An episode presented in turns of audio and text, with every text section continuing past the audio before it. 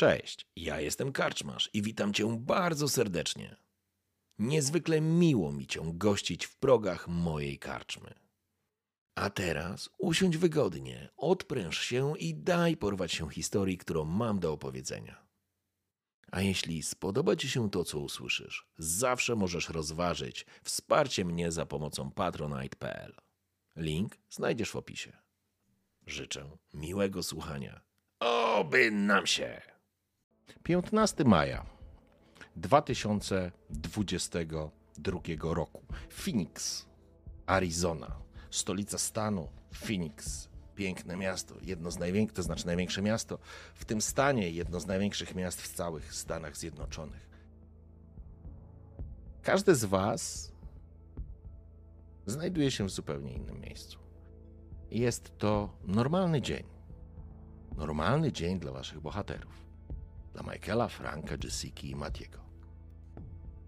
Zanim jednak pchniemy to dalej, ja bym chciał usłyszeć, co teraz konkretnie właśnie w tym momencie robimy, robi, robią wasze postaci. Jest powiedzmy, nie wiem, dziesiąta rano. Ktoś chce zacząć? No, ja mogę zacząć. No to dawaj, Frank. A Zaczynam. Generalnie Frank w tym momencie przechadza się przedmieściami Phoenix i robi tak naprawdę to, co robi już od paru ładnych lat po wydarzeniach, które miały miejsce w warsztacie samochodowym, dalej nie jest w stanie uporać się z tym, jakby, jakby jakie konsekwencje przyniosło to, co, co, co tak szybko się potoczyło, a co, co, co nie miało wyglądać w ten sposób. I znowu się przechadza i znowu patrzy w okno e, domu, w którym jest e, jego dawny przyjaciel Fabrizio, pierwszy wspólnik tak naprawdę i obserwuje go za okna, jak, jak, jak teraz żyje i tak naprawdę jego życie to jest, można powiedzieć, pasmo, pasmo bólu, nieszczęścia i rozgro, rozgoryczenia życiem. A Fabrizio jest po ciężkim wylewie do mózgu i, i jakby nie funkcjonuje samodzielnie. Jego matka się nim zajmuje. Frank tylko jest w stanie patrzeć z ulicy, jak to wszystko wygląda. Nigdy jakby sam z siebie nie chciał podejść, czy porozmawiać, czy próbować się wytłumaczyć, wesprzeć pieniężnie, chociaż powodzi mu się całkiem nieźle. Jedyne na co był w stanie, co, co, co jakby mu pomagało psychicznie, to, to, to ta chwila, w której, w której obserwował i, i jakby taka wewnętrzna nadzieja, że może kiedyś mu się poprawi. Kłamiesz jak znud, Franku. Jacksonie. Kłamiesz i możesz okłamać każdego, ale wiesz, że samego siebie nie okłamiesz. Dziesiąta rano.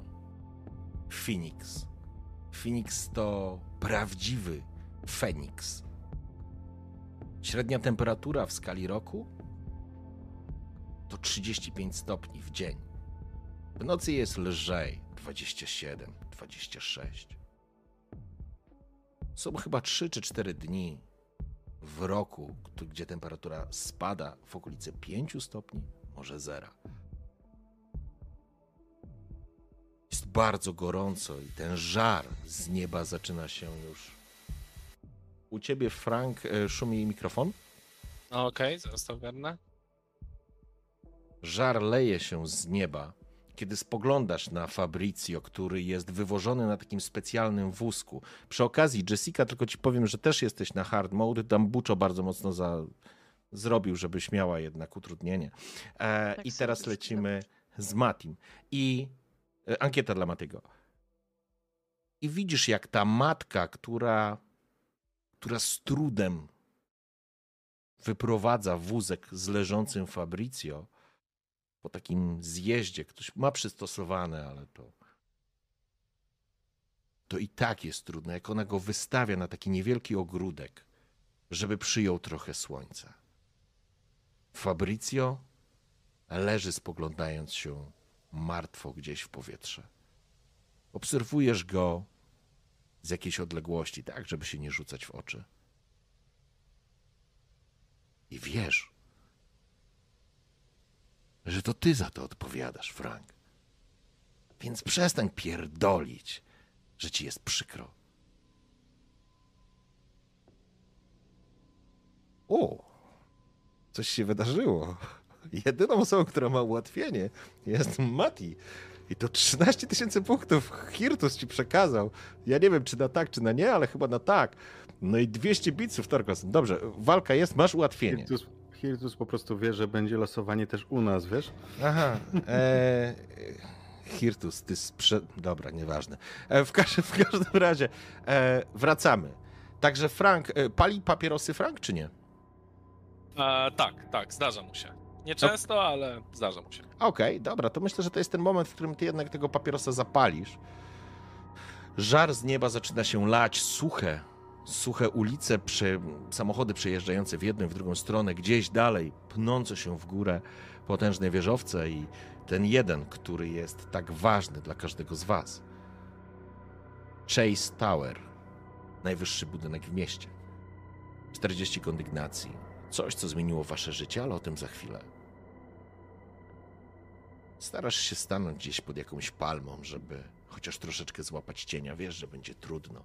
Pustynne, z pustynnej, z nad pustyni gorące powietrze, czyli z północy Phoenix, ciągnie po prostu gorąco.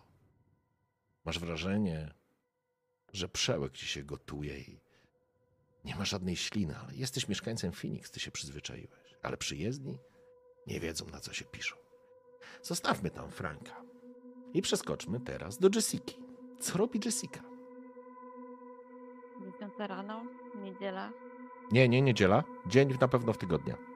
Przyjmijmy, że jest. Pewno tygodnie. Mhm. 10 rano. Mm, Siedzi przy swoim biurku, przy swoim stanowisku. Jest sekretarką prezesa. Jest dziesiąta, y, czeka dopiero na pocztę, która przyjdzie, żeby ją posegregować, przynieść prezesowi. E, W tym momencie ma chwilę czasu na to, żeby poprawić swój wygląd, trochę make-up. Mm, Jeżeli ktoś podchodzi, coś tam dopytać, zostawić, po prostu kiwa głową. E, Wszyscy ją tam szanują.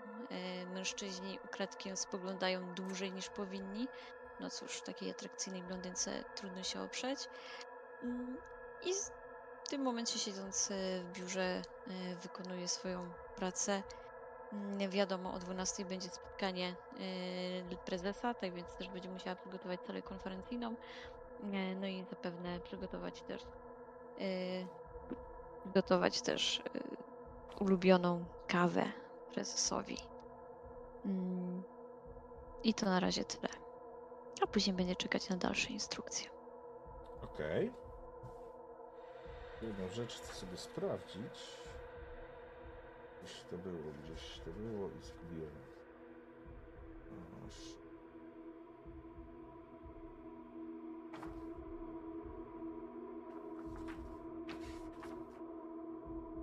Sekunda, przepraszam najmocniej. Okej.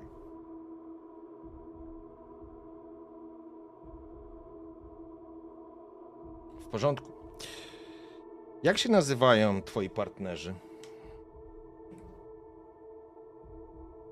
Yy, masz na myśli prezesa? Nie. Twoich partnerów, których jesteś utrzymanką. Yy, to jest ich trzech. Jest yy, Marco, Mhm.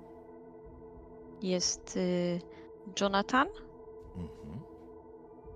i taki zwykły typek Peter Okej. Na którym ci najbardziej zależy? I dlaczego? na Marco. Na Marco mimo wszystko e, jest e, Włochem, e, ma gorący temperament, namiętny i kasiasty.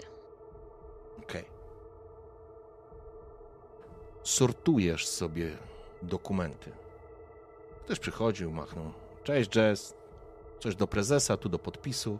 Jesteś taką bardziej asystentką, może nawet nie do końca sekretarką, ale, ale faktycznie jesteś blisko prezesa.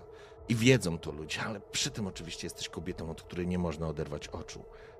I kiedy czekasz tak naprawdę na rozwój wydarzeń, Zastanawiasz się, co będzie z Amber, co dzisiaj, co przygotujemy na ten weekend, na kolejny weekend. Teraz przecież była szalona impreza, więc na pewno będzie dobra zabawa. I upajasz się trochę tym, co się działo podczas weekendu. Było spotkanie z Marką. Myślę, że gdzieś nawet ten Jonathan mógł się gdzieś pojawić, ale nie było za dużo czasu, bo przede wszystkim chciałaś spędzić ten czas z Amber, bo to z nią najlepiej się bawisz.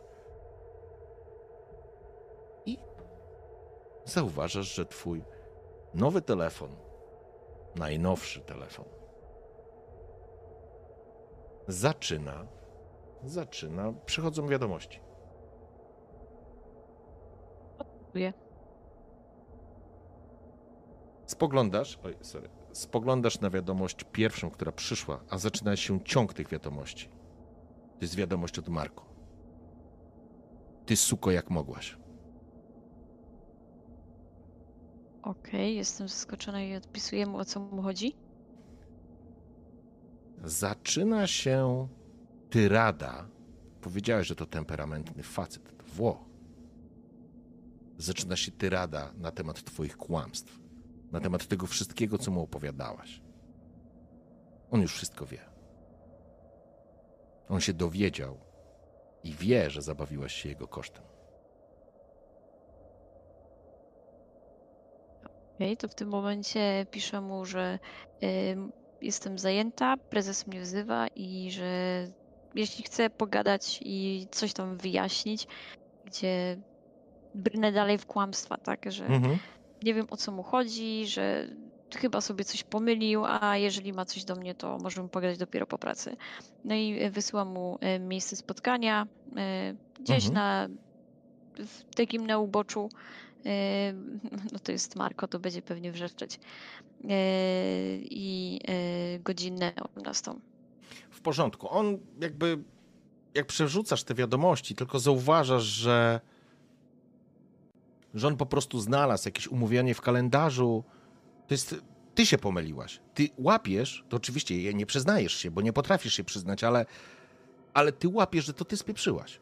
I to gdzieś spieprzyłaś jakoś tak dokumentnie. Nie wiesz, czy wtedy po tej imprezie z Amber, wtedy była tak ostra impreza, że może coś się popierdoliło, może coś po pijaku wysłałaś, a może, może kalendarz y, źle zbukowałaś z nim y, i, i wyszło, on zobaczył część twoich spotkań, które nie było z nim. Ale charakter tych spotkań, miejsca tych spotkań, godziny tych spotkań były elementem, które dały mu jasny i wyraźny przekaz, że, że po prostu nie jest jedyny. A jest Włochem, on się nie chce dzielić. Zresztą on ci powiedział. I łapiesz się na tym, że to twój błąd. I będziesz musiała to odkręcić, ale jak? Będziesz się nad tym zastanawiać. Zostawmy na razie Jessikę w tej firmie i przenieśmy się do Michaela. Mike, na pewno, jak, skoro 10 godzina jest. I jako, że ostatnio dosyć słabo ze zleceniami różnej maści, więc na pewno przesiaduje w kawiarence ze swoim przyjacielem Jacksonem, księdzem.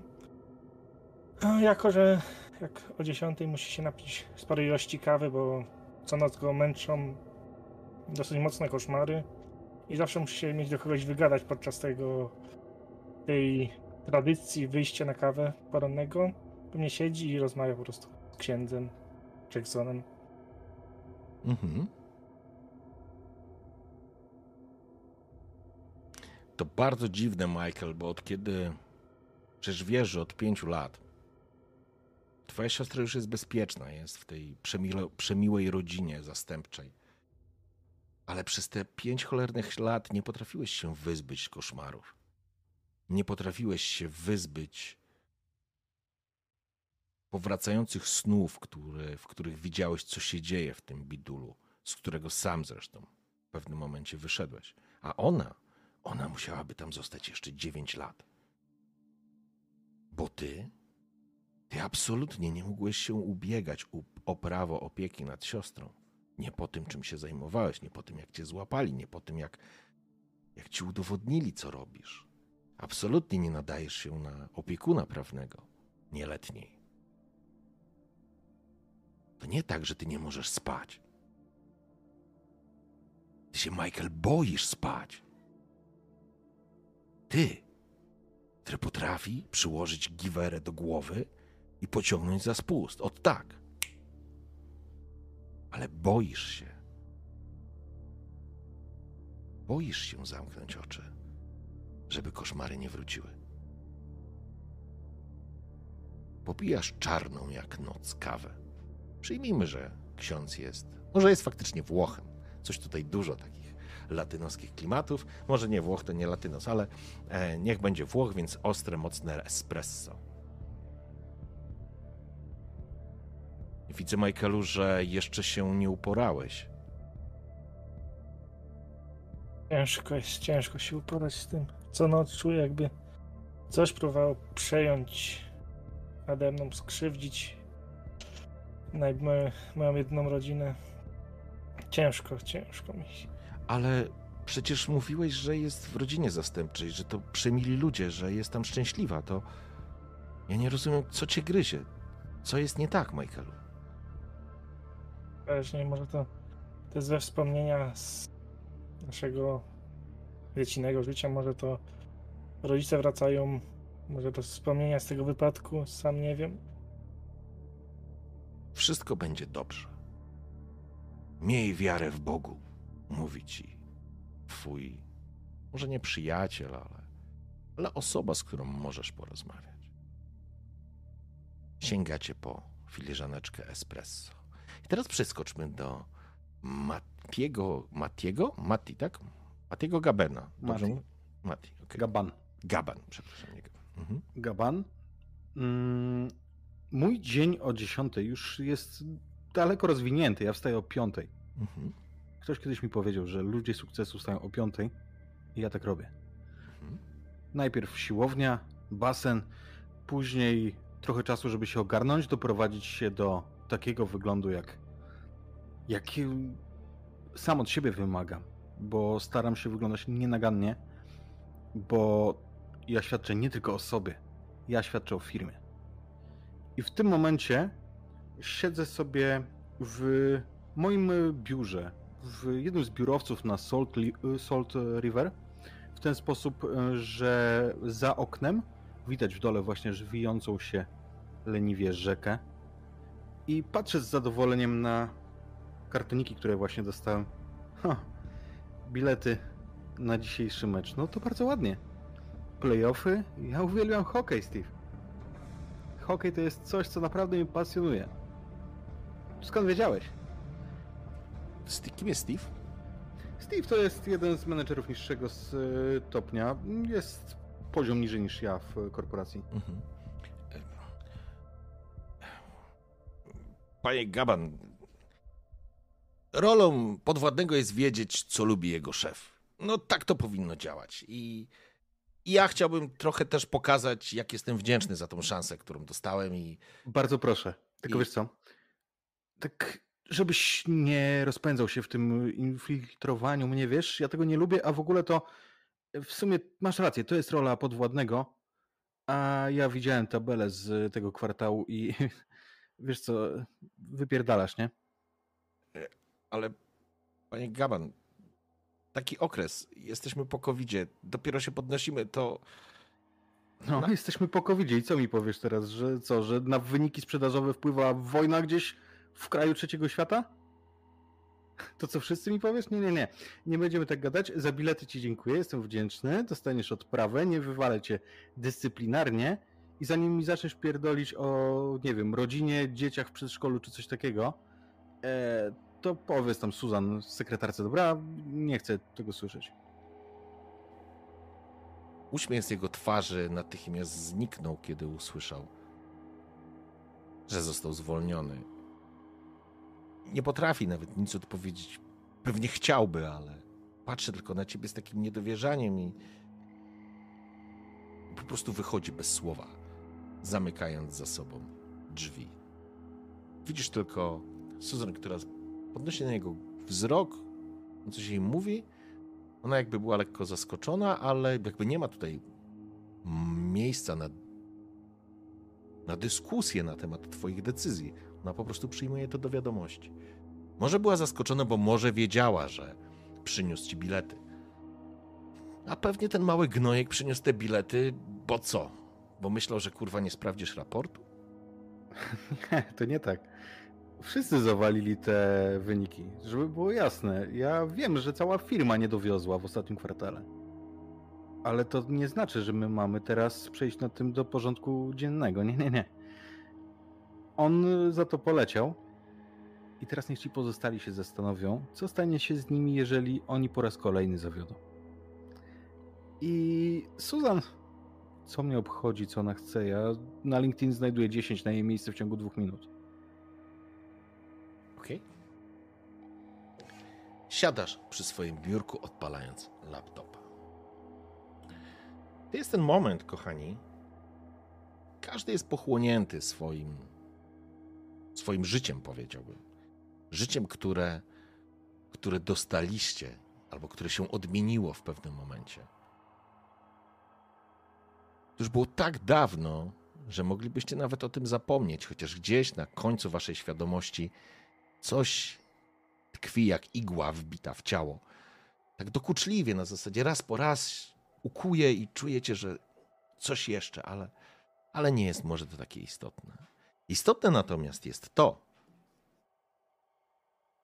że w pewnym momencie, zaczynaliśmy od Franka, jak dobrze pamiętam, gasisz Frank fajkę, rzucasz na chodnik, przygniatasz się. Lekko zdegustowany, a zresztą sam sobie wiesz, jak się czujesz. Odchodzisz od Fabrycja, jego matki, która leje mu delikatnie przez słomkę wodę i widzisz, jak wyciera po, po twarzy i po szyi, bo on nie jest w stanie. On jest warzywem. Tak. Pamiętasz? Błysk, ciemność, jego spojrzenie pobija na twarz, patrzy na ciebie. Frank, nie! I gaz rurka uniesiona w górę. A potem ten dziwny, głuchy trzask. Ruszasz do swojego samochodu. Przed tobą zatrzymuje się samochód. Jakiś Mercedes. Sorry, bez myszki Miki, rzecz jasna. W każdym razie otwierają się, otwierają się drzwi od strony pasażera. Wysiada mężczyzna, którego już wcześniej widziałeś. Facet ubrany w prosty garnitur. Nienagannie przystrzyżone włosy, broda, lekko blady, powiedziałbyś w sile wieku, ciemne okulary przeciwsłoneczne. Garnitur przewieszony, właściwie nawet nie ma garnituru, ma ściągniętą marynarkę, koszula ma podwinięte rękawy. Zatrzymujesz się, bo go poznajesz. On, w, on wychodzi z samochodu i on rusza bezpośrednio do ciebie, w ogóle nie reagując na przechodniów, czy podchodzi do ciebie. Dzień dobry, panie Jackson. Czym sięga po, do kieszonki i wyciąga w twoją stronę coś, co wygląda jak wizytówka, ale ty wiesz, że wizytówką nie jest. No, biorę od niego wizytówkę, patrzę na niego i mówię: A, czyli to już teraz będę potrzebny, rozumiem. Delikatnie się uśmiecha, nie odpowiadając, raczej uprzejmie, po czym obraca się i wraca do samochodu. Patrzę na, na mhm. wizytówkę, domyślam się, że jest taka sama jak 5 lat temu. Dokładnie. Dokładnie tak. Jest napisane na awersie Mr. Nolan pod spodem Chase Tower North Leaf Elevator. I jakby najwyższy budynek Phoenix to właśnie ten Chase Tower. On składa się jakby z trzech elementów. Wygląda jak taka trzylistna koniczyna, z czego ta środkowa, północna wieża jest najwyższa i ma 40 kondygnacji. Maksymalnie na dzisiaj ma 38, bo wyżej nie można wjechać, bo na 39 jeszcze kiedyś był punkt widokowy, przepiękny, ale go zamknęli podczas jakiegoś remontu tych budynków. I ty pamiętasz, bo wtedy tam jechałeś. Z drugiej strony wizytówka jest zapisana tak jakby druczek drobny dokumentu jakiegoś, jakby takiej umowy, nie? Z miejscem na podpis. Oczywiście to jest tylko takie graficzne wyobrażenie, więc tam nie ma żadnej treści. Ale ty wiesz, że ta wizytówka również jest kartą. Masz wrażenie, że w Phoenix temperatura wzrosła o dobre 20 stopni. Jessica, próbujesz układać sobie w głowie, co teraz musisz zrobić, bo, bo przecież musisz coś zrobić. Mark jest, Marko jest zbyt atrakcyjnym facetem. Zresztą jak o nim myślisz, to trudno ci się opanować. Oj, bardzo trudno. Ale spierdoliłaś. Sama do siebie mówisz, że spieprzyłaś coś. W pewnym momencie... Mhm. W międzyczasie wysyłam też SMS-a do Amber, że e, Markowie jest przejebane, e, pomóż. Natychmiast SMS. Stara, co się stało? Zaraz zadzwonię, tylko wyjdę z roboty. Na fajkę. I kiedy czekasz na telefon od Amber, do pomieszczenia, do sekretariatu wchodzi mężczyzna. Ten sam, którego pamiętasz. Sprzed pięciu lat. I dopiero teraz się orientujesz, że dzisiaj jest 15 maja. Jest dokładnie pięć lat po wizycie, którą wówczas miałaś w Chase Tower. Ten sam mężczyzna. Powiedziałabyś, że nawet elegancki, nawet przystojny, coś w nim jest, ale, ale to jednak nie twój typ. On się uśmiecha, on, on wie, do kogo idzie, on podchodzi do ciebie. Dzień dobry, pani Clarkson. Sięga do kieszeni i podaje ci wizytówkę, która wiesz, że wizytówką nie jest. Wyciągam rękę i patrzę mu prosto w oczy. Myślę sobie, no, gdyby był choć trochę wyższy, to może, może coś by z tego wyszło. E, dziękuję. Rozumiem, że to dziś wieczorem? Uśmiecha się, nie odpowiadając, tak jak wtedy, życzliwie, po czym obraca się i wychodzi. Odwracam wizytówkę, czytam co jest z tyłu. Jest dokładnie ta I sama chyba- informacja. Mr. Nolan, Chase Tower, Northleaf i No i Elevator do Card. Mhm. Okej. Michael, dopiłeś kawę. Porozmawiałeś niezobowiązująco z księdzem. Próbując troszeczkę znaleźć dla siebie oddechu. Starasz się sobie mu wmawiać i opowiadać, że wszystko jest ok. Ale kiedy już się pożegnałeś i wychodzisz z kościoła, no cóż, zajmujesz się tym, czym zajmujesz, więc analizujesz wszystko szybciej niż normalnie. Każdy normalny człowiek, każdy przejeżdżający samochód. Od razu dziwnie, dziwne zachowujących się osoby, spoglądające. Zupełnie inaczej patrzysz na świat, Michaelu. I widzisz, że samochód stoi przed kościołem. Czarny, jakaś limuzyna Mercedes. Kiedy tylko wyszedłeś, natychmiast drzwi się otworzyły. I po chwili w twoją stronę idzie mężczyzna, którego widziałeś pięć lat temu. To ja widząc tą sytuację, łapię głębszy oddech idę w stronę tego mężczyzny i się pytam, czy, czy to już czas, czy to już ten, ten czas.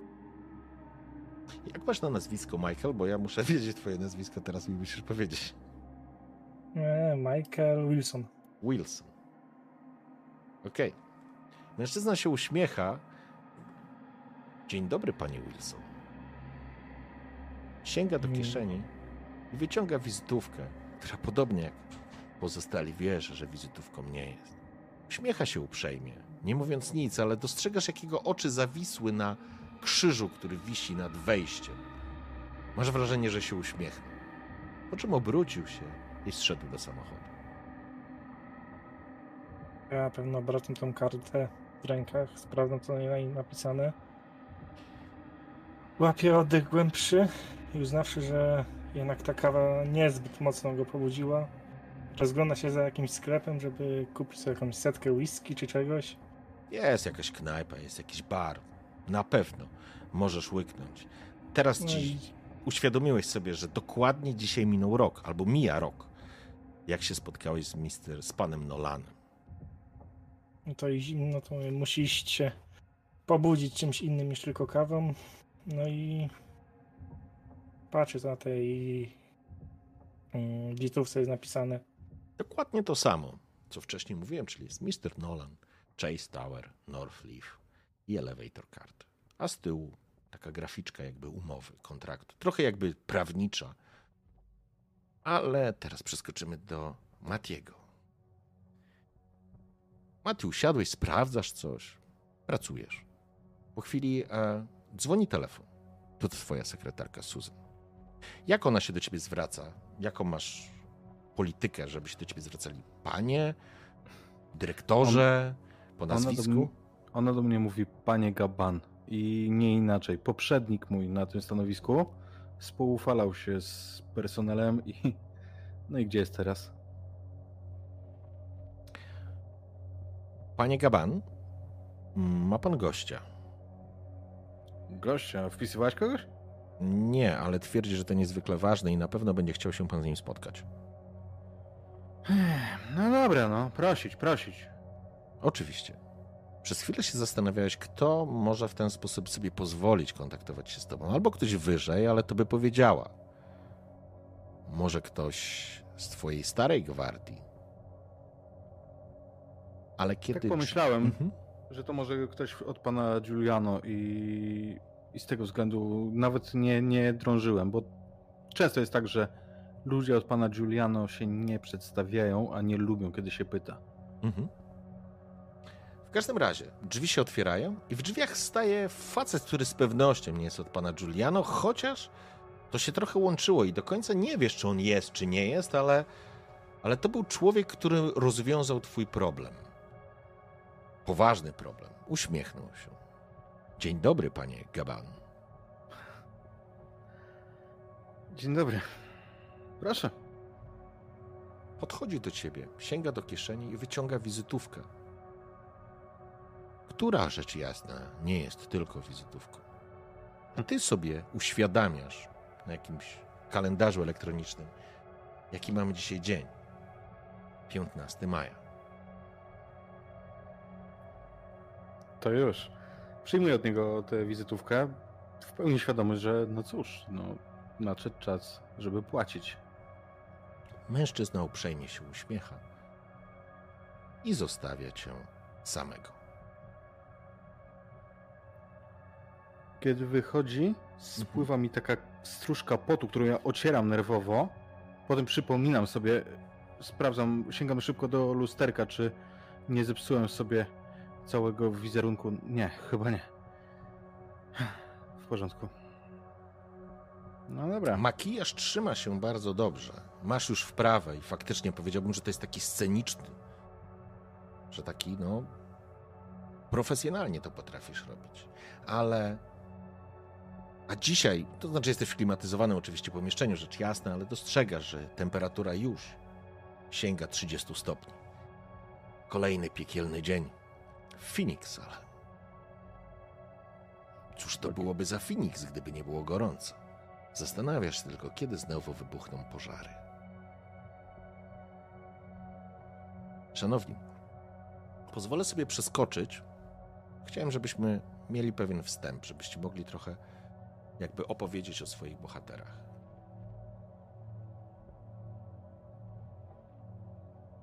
A teraz? A teraz przeskoczmy, bo bez względu na to, kiedy pójdziecie, kiedy udacie się do Chase Tower, będziecie mieli wrażenie, że pewien okrąg, że czas, miejsce, że to wszystko dopełnił się pewien, kołem się toczy i po prostu się domknął pewien cykl, bo jest dokładnie taka sama sytuacja. I teraz e, przypuśćmy, nie, Gaban na pewno się nie spóźnił. Który jest większym fleją czasowym, Jackson czy Michael? Czy może Clarkson? Michael. Jessica, jesteś poukładana, czy jesteś chaotyczną osobą? Mm, Jeżeli chodzi o kwestię spotkań poukładane. Okej, Na czas. więc wygląda to następująco. Do Chase Tower wchodzi się jakby od poziomu zero, od parkingów. Potężny sektor handlowo-usługowy, to nieważne, bo wyjdziecie do windy, która prowadzi na do tego północnej wieży tego, tego, tego Chase Tower, czyli tego trój, trójlistnej koniczyny. To nieważne, ale dokładnie, kiedy spotykacie się przy. To jest ten moment, w którym spotykacie się przy windzie. Jest tam Frank, jest Mati i jest Jessica. I wy schodzicie z różnych punktów. I chciałbym, żebyście się teraz opisali. Ludzie gdzieś przychodzą, to nie jest istotne. Wy podchodzicie po prostu do jednej z wind. Każdy z was trzyma w ręku kartę. Ale opiszcie się, jak wyglądacie. Jessica to jest y, metr y, 77 blondynka, szczupła, atrakcyjna, biała koszula. W tym momencie wyszła z biura, tak więc roz, rozpija sobie guzik, y, żeby pokazać swoje walory. Szara spódnica, taka nieco krótka, ale jeszcze przystępnie, no bo jednak pracuje w biurze. E, czarna torebka e, Gucci'ego, e, buty na, szpi- na szpilkach, no i ta, ta karta. No a w oku ma ten pazur i rozgląda się, czy nie, czy nie dojrzy może jakiegoś przystojnego faceta, który wpadnie jej w oko. Okej. I niech to będzie sytuacja, w której wy po prostu podchodzicie z dwóch, z trzech różnych stron, tak naprawdę. Zróbmy już taką scenę filmową. Po prostu idziecie i dostrzegacie się, bo wy się znacie. Bo wy się poznaliście w tej cholernej windzie pięć lat temu. Ale kurczę, każde z was wygląda zupełnie inaczej. Ta lalka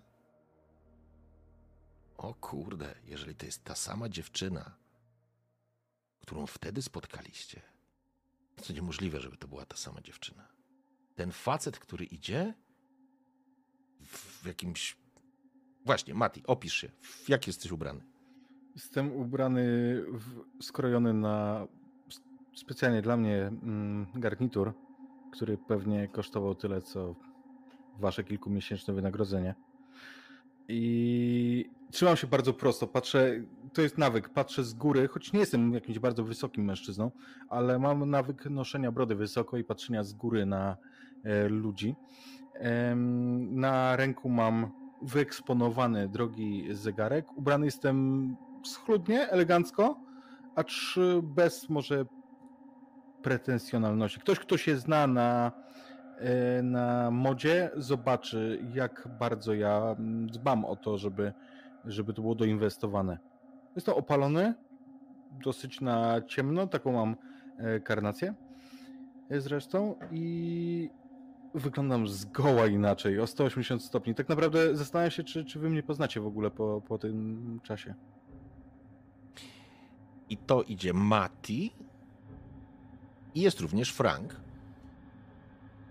O, Frank e, to wysoki, raczej przy kości gość, który kiedy patrzysz na niego pierwszy raz, to widzisz takie puste spojrzenie. Może mo, mogłoby się wydawać, że może gościa, który nie jest specjalnie inteligentny, ale kiedy tylko się uśmiechnie, to widzisz, że no, w ten sposób nie uśmiechają się debile. Czuje, czujesz taki niepo, niepokój wokół siebie kiedy, kiedy patrzy na ciebie tymi szarymi, pustymi oczami bez wyrazu.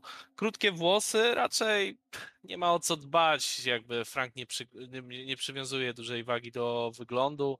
Na sobie ma teraz prostą koszulę w kratę, podwinięte rękawy, wyeksponowane tatuaże na rękach, a i, i tak naprawdę idzie dziarskim krokiem, ale jakby widzi te osoby, które widział tutaj 5 lat temu, ale wie, że jakby pewnie się zobaczą i zaraz znowu eh, przestaną się znać na kolejny czas, albo może już wreszcie na zawsze. Mhm.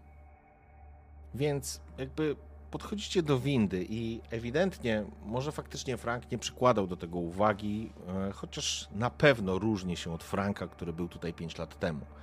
Na pewno, na pewno jest na pewno jest lepiej ubrany, ale to nie jest ubiór Gabana, czy to nie jest e, sylwetka e, Clarkson w sensie zadbana, wystylizowana. Widzicie po sobie, bo poznajecie się. To jest ten moment, kiedy stajecie przy windzie i każdy z was od razu staksował, że w ręku ma kartę, więc wy przypominacie sobie dokładnie ten sam moment, w którym wsiadaliście do tej windy, tylko nie wyglądaliście tak jak teraz. Nie byliście tu, gdzie jesteście 5 lat temu. Ale zatrzymaliście się na chwilę przy windzie. Dzień dobry. To co? Płacimy? Cóż, na to wychodzi i e, taksuje Matiego e, z góry na dół. No, widać, że się wyrobiłeś. Dziękuję. Uśmiecham się zalotnie. Ty też nieźle się starasz. To się jeszcze okaże, kto się będzie bardziej starał. Uśmiecham Wyglądam, szarmowsko. wyglądam tak z pleców Matiego, patrzę wiadomo gdzie i Mhm. tak hmm, może nawet więcej niż lepiej. A, I oczywiście to, że y, Mati zagrał albo. To, to, to wiadomo, ale nie sposób nie zauważyć. Jessica? Od tej Jessiki, którą znaliście wtedy, to jest w ogóle. Jessica to była jakaś taka szara myszka. Nie, tamta sprzed pięciu lat to, była, to był cień Jessiki, którą stoi tutaj. I Frank, ty jesteś sprytny facet. Ty dostrzegasz, wiesz, że każde jej zachowanie, każdy element, każdy szczegół jest wyreżyserowany. Mati, ty masz doświadczenie. Wiesz o tym, że próbujesz sobie ustawiać teraz opozycję, rzecz jasna, ale wiesz o tym, że faktycznie Clarkson to już nie jest ta dziewuszka zahukana. I każdy element, rozpięty guzik, lekko spocony, spocona, spocona szyja i tutaj wpadająca w dekolt, ale to nie jest, to nie jest nic przypadkowego. W Jessice nie ma przypadku. I każdy jej element buduje nić pożądania, zdecydowanie. Ona, ona chyba nie potrafi inaczej niż flirtować po prostu na wszystkich kanałach. Ale to nie jest nic narzucającego się. Odpalacie windę. Winda się otwiera. Wchodzicie do środka? Panie przodem. No myślę. No i wchodzę.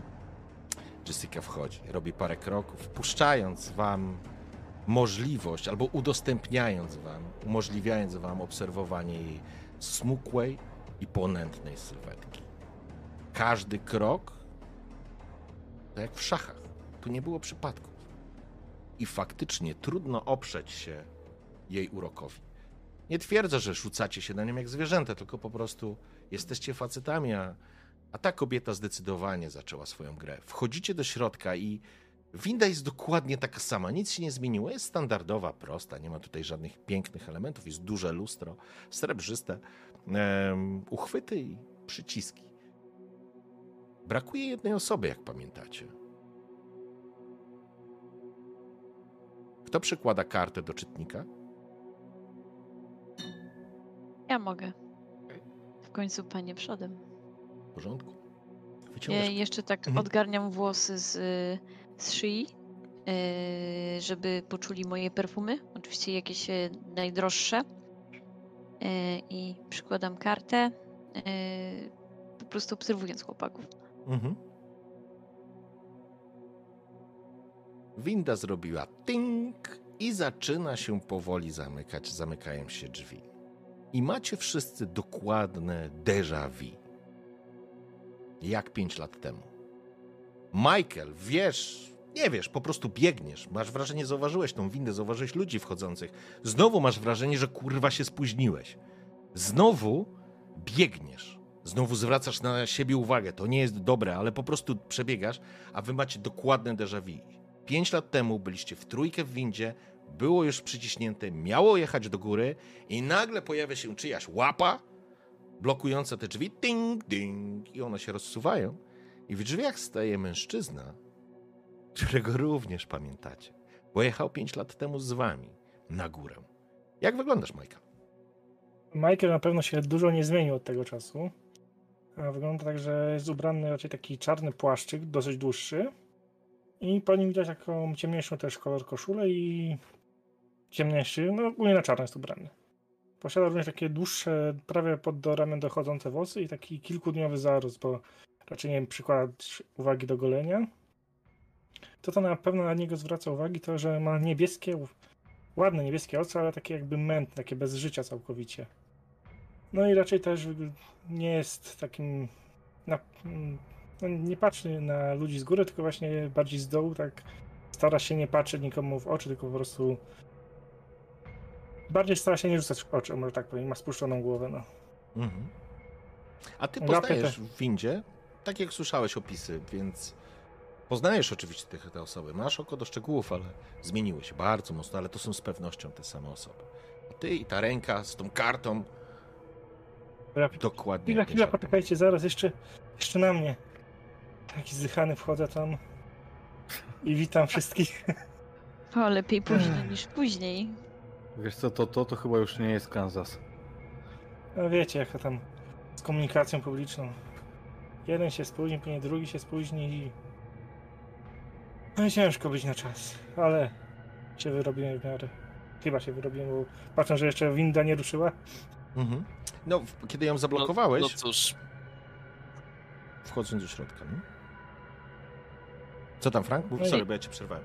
a chciałem powiedzieć, że no cóż, 5 lat minęło, a jak widać nie każdy potrafi sobie wyrobić pewne prawidłowe nawyki. Majka się tak uśmiecha, no, że lepiej niektórych rzeczy nie zmieniać. To co, Jessica? Jeszcze raz? Karta i do góry? Jasne. Jeszcze raz przekładam kartę, wywracając oczy do góry na spóźnienie e, Michaela. Mhm, okej. Więc znowu je ding i winda się zamyka. Zaczynacie jechać do góry na spotkanie z panem Nolanem. Spoglądacie się w lustro. Jak to jest w windzie? Wiecie, to jest taki syndrom bycia w windzie. Nikt się nikomu nie patrzy w oczy. Każdy ucieka wzrokiem do góry, w bok. Bez sensu zupełnie, ale Ja to... też wyciągam Mhm. swoje lusterko, przyglądam się, poprawiam makijaż, trochę pudruję, bo pewnie się spociłam, żeby e, dobrze też wyglądać przed Nolanem. Mhm. I kiedy, kiedy winda jedzie, z każdym kolejnym piętrem czujecie rosnący niepokój w powietrzu. To nie jest tak, że czegoś się obawiacie, ale czujecie, że coś się zmienia. Czasami mrygnie światło, jakby to nie był najwyższy, najważniejszy budynek w mieście, tylko jakaś zwykła sutenera, co jest dziwne. I spoglądacie się po prostu w lustro. Lustro jest na, całej, na całych plecach windy, więc stojąc nie sposób się nie widzieć. I dostrzegacie, jak kiedy światło zaczyna mrygać, po chwili, przez chwilę każde z was widziało samych siebie tutaj, pięć lat temu. Stojących, trzymających mocno kurczowo tą kartę i jadących do góry. Ja mam prośbę do was. Wejdźcie w buty tych postaci sprzed pięciu lat. Przypomnijcie sobie, dlaczego tu jesteście. Bo wy jesteście tu pierwszy raz. I może Michael i Frank specjalnie się nie różnią, ale myślę, że Jessica i Mati mogą wyglądać inaczej niż w 2022 roku. Powiecie coś o sobie? Ja.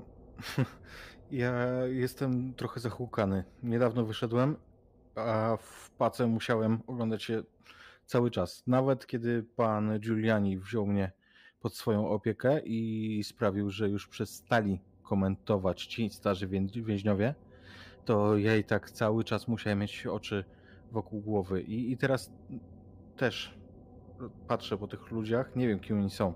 Jestem lekko zgarbiony, mam na sobie powyciąganą bluzę z kapturem, a całą moją twarz, ręce, całe ciało tak naprawdę, tam gdzie, mm, gdzie wystaje ono spod ubrania, chociaż nie, nie, nie mogę mieć bluzy z kapturem, jest, jesteśmy w Phoenix. Mhm. Jestem w e, t-shircie mm, hokejowej drużyny mm, Arizona Coyotes.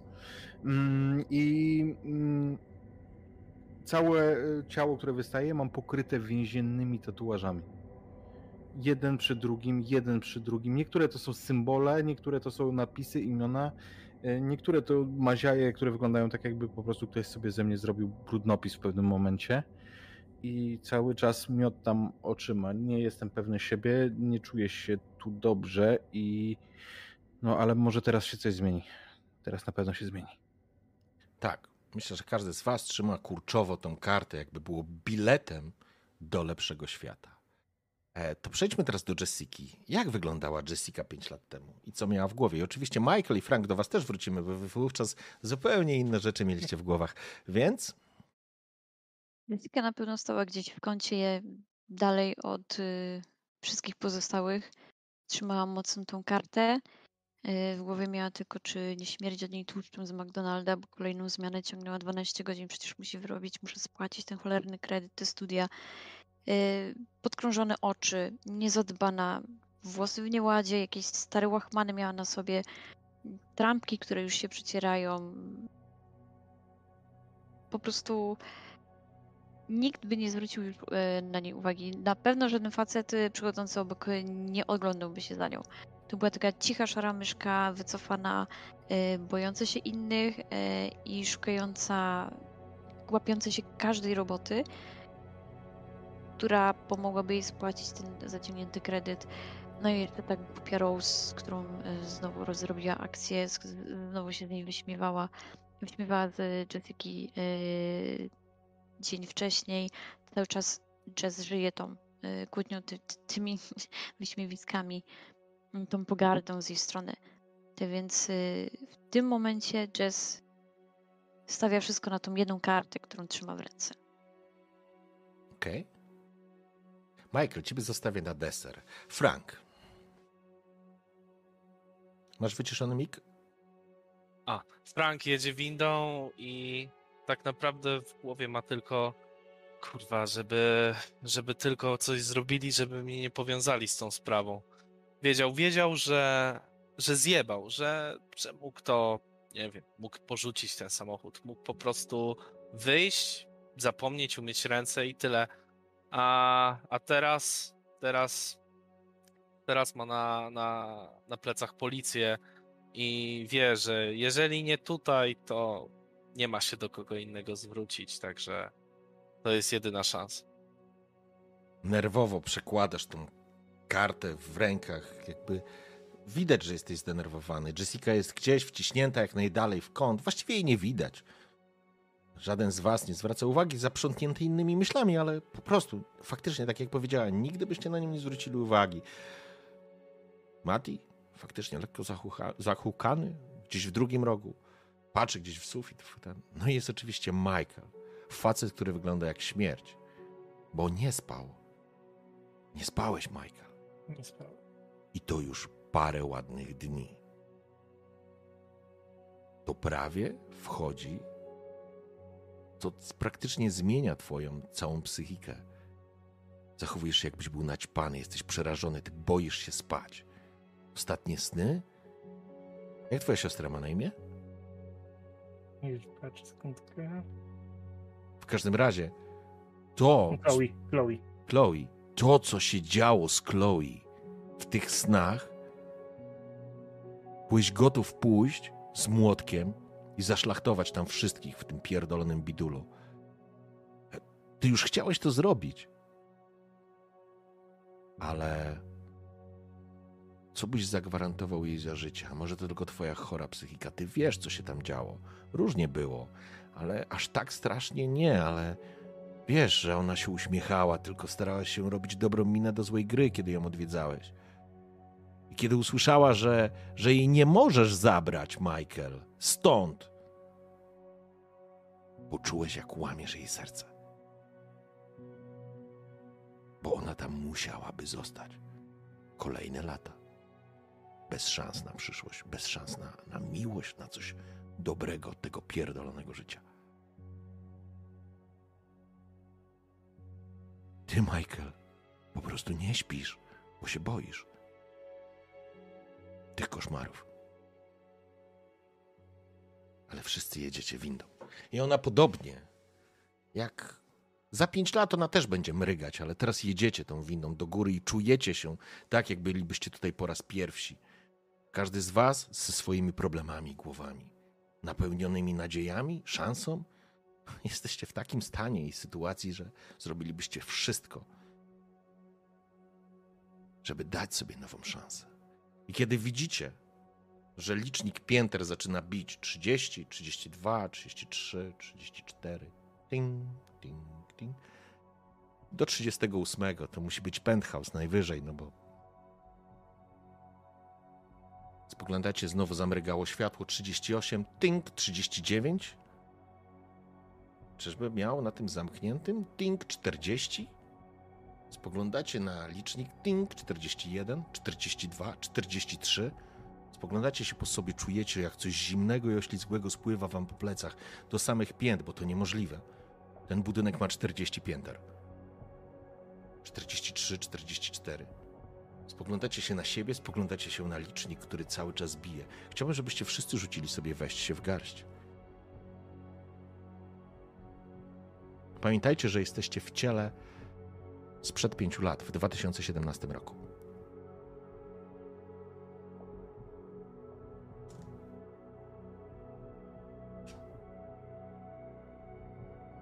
Komu wyszło, komu nie wyszło? U mnie porażka. U mnie porażka. U Okej. mnie sukces z komplikacjami. I u mnie też. Okej, dobrze. To ja w takim razie najpierw zaczniemy od sukcesów z komplikacjami, czyli Frank i Mati. Frank sobie odpal e, ruchy, żebyś widział, więc zaczniemy od Matiego. Mati, e, ty generalnie płaczesz na te cholerne liczby, ale coś się z tobą dzieje. Co się dzieje z Matim? Kurwa, co jest? To Jakby. pff, Ej, oni chcą, żebym był tutaj w tej windzie, tak? Żebym. Oni chcą mnie dopaść, tak? Chcą, żebym, żebym został udostępniony. To jest jakaś pieprzona, nie wiem, prowokacja? Co to ma być w ogóle? O co chodzi? To jest ten wyświetlacz? I zaczynam manipulować przy, przy tym panelu z, Mhm. Z numerami pięter. Chcę wcisnąć stop kilka razy nerwowo. Jeżeli to nie zadziała, to może ten przycisk z alarmem, żeby kogoś powiadomić. Mhm. I, i chcę sprawdzić, czy w ogóle mam jakiś wpływ na cokolwiek. Okej, Chciałbym zrobić ruch z badaj. okej, w porządku. E, czyli generalnie strach przejmuje Matiego, tak? Tak. Okej, y, obniż sobie stabilność i rzuć sobie na zbadaj. A Sukces z komplikacją. Sukces z komplikacją. Dobrze, możesz zadać w takim razie jedno pytanie. Czy mogę jakkolwiek zatrzymać tę windę i z niej wysiąść? Wszystkie takie techniczne możliwości zakończyły się na poziomie stop, alarm i, i ewentualnie telefon, bo jest jeszcze słuchawka do, do, do, do jakby działu technicznego, nazwijmy to, do ochrony, jakkolwiek byśmy to nazwali. Sprawdziłeś to wszystko pomiędzy piętrem 40 a 45 i widzisz, że to nie działa i widzicie jak ten, ten człowiek z wytatuowaną twarzą po prostu trochę zaczyna świrować, fiksować, bo, bo wy też zaczynacie, ale o tym za chwilę. Frank, co ty w tym czasie Ja- robisz? Ja generalnie. To już jest taka rezygnacja. Myślę sobie, ach kurwa. Czyli to tak, w ten sposób już zaczynają wpływać na mnie. Czyli takie. W sensie podejrzewam, że to policja czy jakieś służby już zaczynają manipulować w jakiś sposób moim postrzeganiem świata. Czy, czy, czy, czy będą próbowali po prostu mnie jakoś przyskrzynić, złamać, wydobyć ode mnie te zeznania nerwowo patrzę, jak, e, jak Mati e, naciska losowo jakieś guziki. Podchodzę do niego i mówię, kurwa, przestań, przecież to, przecież to nic nie da, przecież już nas mają. Jaka emocja ci towarzyszy? Złość. Złość, w porządku. Więc podchodzisz, wiesz, wykrzykujesz to tak naprawdę do Matiego, obniż sobie stabilność o jeden. To jest na karcie na stronie numer dwa macie taką listę stabilności i obniżamy sobie albo rośnie, albo obniża się według tej tabelki. Zaczynacie od samej góry. No i na samym dole dzieją się różne rzeczy, ale teraz o jeden. W każdym razie, kiedy wiesz, krzyczysz do Matiego, znowu światło mignęło i w tym momencie ta złość, która w tobie urosła, widzisz jak jesteś gdzieś na w północnej części, północno-wschodniej części miasta, to znaczy nie miasta, poza miastem tak naprawdę, wyjechałeś poza miasto tym cholernym samochodem. Jesteś zły na siebie, bo to tyle trwało. Jesteś przy górach Magdałela i tam był punkt odbioru, tam był punkt zwrotu. Stajesz. Dwóch facetów, niechlujnie ubranych w koszulkach, z fajkami, z łańcuchami, przybijają ci piątki. Podchodzą do samochodu, otwierają bagażnik. Nie zaglądałeś do bagażnika. Wiedziałeś, że coś wieziesz.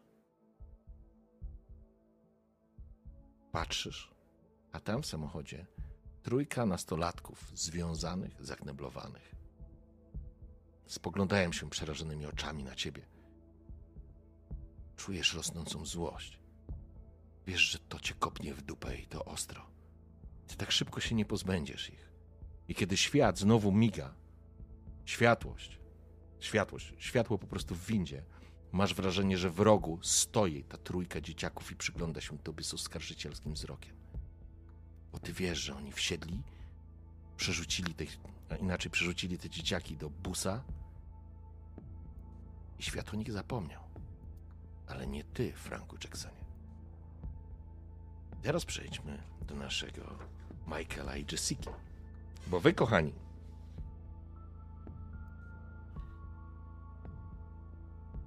bo wam nie wyszło.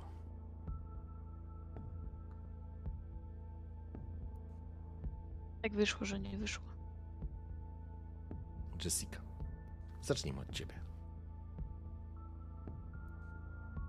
Przerażona. Nie wie, co się dzieje. Trzyma tą kartę, ale w głowie jest. Ja pierdzie, nie, nie, nie, ja nie, nie, nie, nie chcę umierać. Nie, nie teraz, nie, to, to jest niemożliwe. Po prostu ja nie, już wolę smażyć te frytki w McDonaldzie. Ona po prostu kuli się w sobie i kuca w tym kącie. Mhm. Łapie się za głowę i zaczyna cicho płakać. Bo nie wierzy w to, co się dzieje. Mhm. Patrzysz, to niemożliwe. Faktycznie ten klika, coś próbuje krzyczeć. Do niego podchodzi drugi facet, coś do niego mówi. W ogóle światło zaczyna migać, ten się spogląda, przerażony, blednie. Ty patrzysz na nich wszystkich. Każdy się zachowuje jakoś dziwnie, a ta cholerna winda leci dalej. 42, 43, 44, 45. Gdzie to kurwa się skończy? Przecież ten pierdolony budynek ma tylko 40 pięter. I co, wieśniaro? Co ty tutaj szukasz?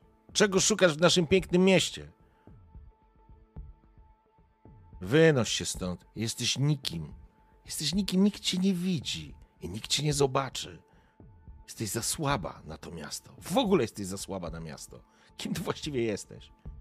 Rosie, która uśmiecha się, która jest zrobiona, która dobrze wygląda, która miała być twoją opiekunką w tej pracy, a która stała się ucieleśnieniem twojego koszmaru. Znowu śmierdzisz. Jak ty wyglądasz? Ty myjesz się w ogóle? Tu pracujesz z ludźmi, kocmouchu. Kim ty kurwa jesteś w ogóle?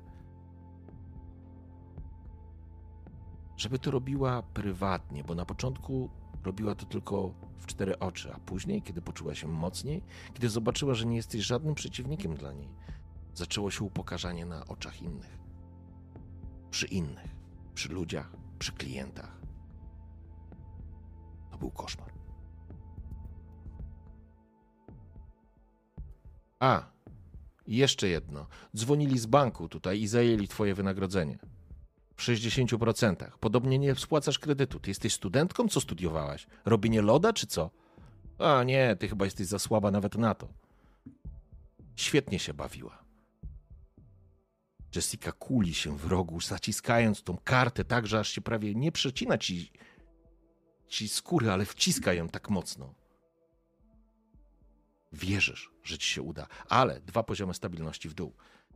Michael, No, jak na pewno ma w głowie, jak usłyszawszy jeszcze tam, że ktoś tam powiedział, że tak chcą go dorwać, że co on zrobi, jak tam, bo wspomina mu te wszystkie akcje, które tam ze swoim nauczycielem, powiedzmy, robił. Się część, bo nie wie, kto się opiekuje jego, co jego siostrą. Zaczyna się na pewno trzęść cały. Nie wie, co ma zrobić. Myśli, czy nie, ale nie podejść do tych drzwi, nie próbować ich otworzyć, nie próbować uciekać. Jest zdruzgotany, załamany. I boisz się zamknąć oczy, Michael. Zaczyna ci się ciężko oddychać, z trudem łapiesz powietrze. Dlatego, że w lustrze, tam gdzie Frank widzi trójkę nastolatków, ty widzisz swoją siostrę. Właściwie tak, jakbyś patrzył z pewnego punktu. Bo widzisz te pokoje dla dziewcząt. Widzisz dwóch opiekunów, którzy wchodzą tam. I słyszysz później krzyk swojej siostry, która nie wrzeszczy, żeby przestali, ale wrzeszczy. Wrzeszczy, dlaczego mnie, Michael, tu zostawiłeś? Boisz się zamknąć oczu, żeby tego nie widzieć, a to cholerne miejsce wyciąga ten syf tu, teraz. Masz wrażenie, że oni wszyscy na to patrzą i z takim zdegustowaniem pokazują na ciebie. Na zasadzie, kurwa, to twoja siostra, kim ty w ogóle jesteś? Uderzasz pięścią w szybę. Zostawiasz krwawy ślad i obniżasz sobie stabilność na dwa. 46, 47, 48, 49, 50. 50. Ping, ping. Jesteście 10 pięter ponad miejscem, w którym kończy się budynek Chase Tower. Wąski korytarz, delikatnie oświetlony, pięknie utrzymany. A wy widzicie, jak snop światła wpada w ten korytarz i rozświetla go.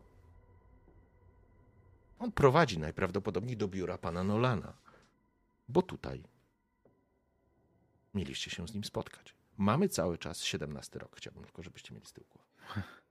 Czyli tylko ten licznik się spierdolił. Ej, wiecie, że ja się na serio wydygałem?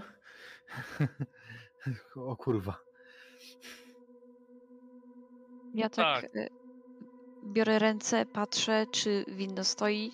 Taka roztrzęsiona, powoli zaczynam wstawać na czworaka najpierw, później dopiero na nogi chwytam się może jakieś barierki.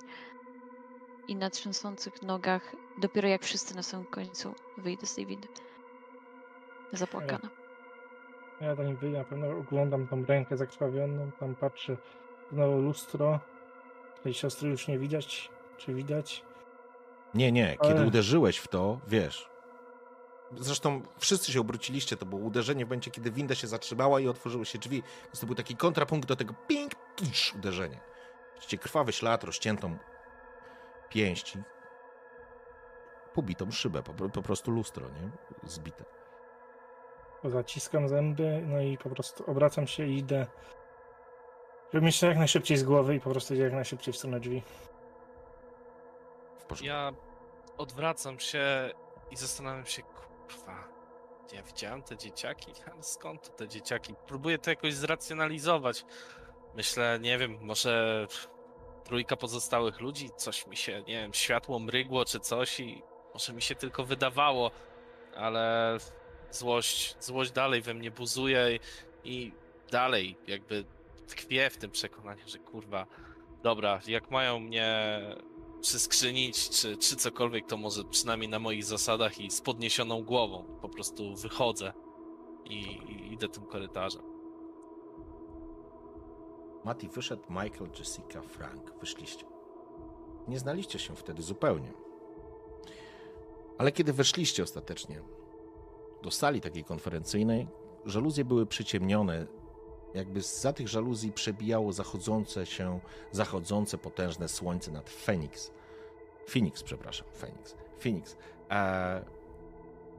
Panował taki półmrok. Długa, długi konferencyjny stół, ze zlitego drewna, kilka krzeseł, pomieszczenie, jakbym powiedział, że ocieka ekskluzywnością, to chyba za mało, ale, ale macie wrażenie, że tu brakuje tylko złotych klamek. Zegar cykający cyk, cyk. i dostrzegacie to, co rzuca wam się w oczy. To fakt, że w ogóle nikogo tam nie ma, nikt was nie zaprasza, nikt was nie prowadzi, po prostu korytarz prowadzi i są drzwi otwarte faktycznie jest złota tabliczka pan Nolan. To wszystko. Nie ma nazwiska. Jest po prostu Mr. Nolan.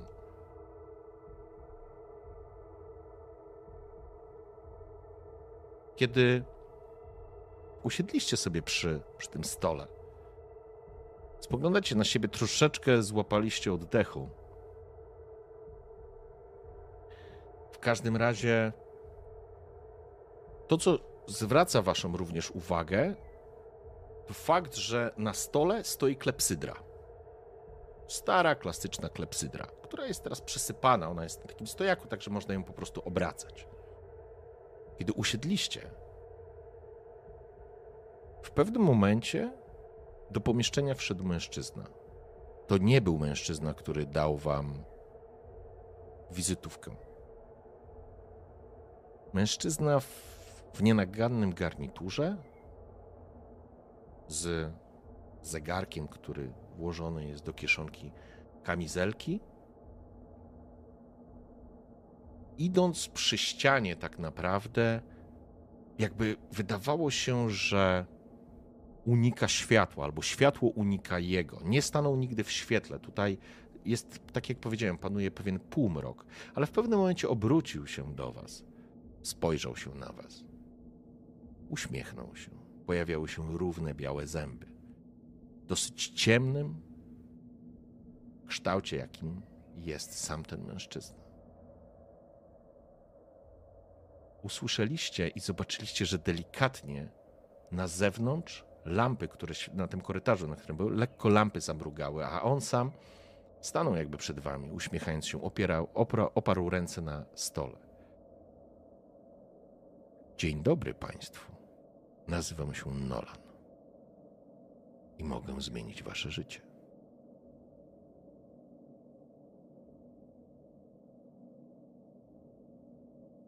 Z czym do mnie przychodzicie? O co prosicie? Patrzę tak na niego, mówię, jakie kurwa zmienicie życie. O czym ty mówisz, człowieku? Mam, mamy teraz, co ty jesteś dżinem? Mamy ci wypowiedzieć teraz życzenia i, i je po prostu spełnisz? Myślę sobie, kurwa, po co tu przychodziłem?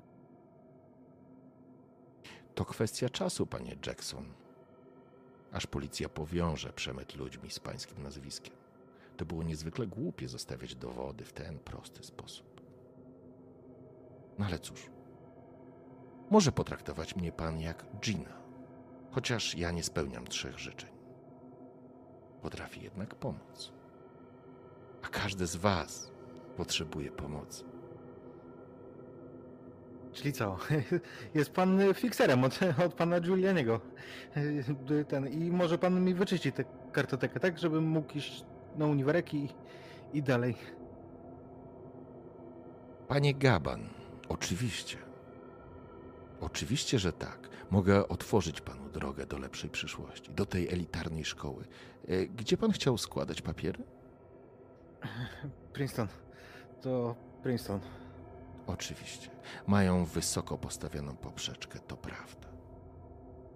Ale nie ma rzeczy niemożliwych. Wystarczy tylko powiedzieć, co się chce i zgodzić się na umowę ze mną, że za pewien czas każdego z Was poproszę o przysługę, która będzie formą spłacenia tego długu. Kurwa, i to wszystko zniknie? Pewnie. Gdzie mam podpisać? Mówię. Mężczyzna się uśmiecha tylko w twoją stronę.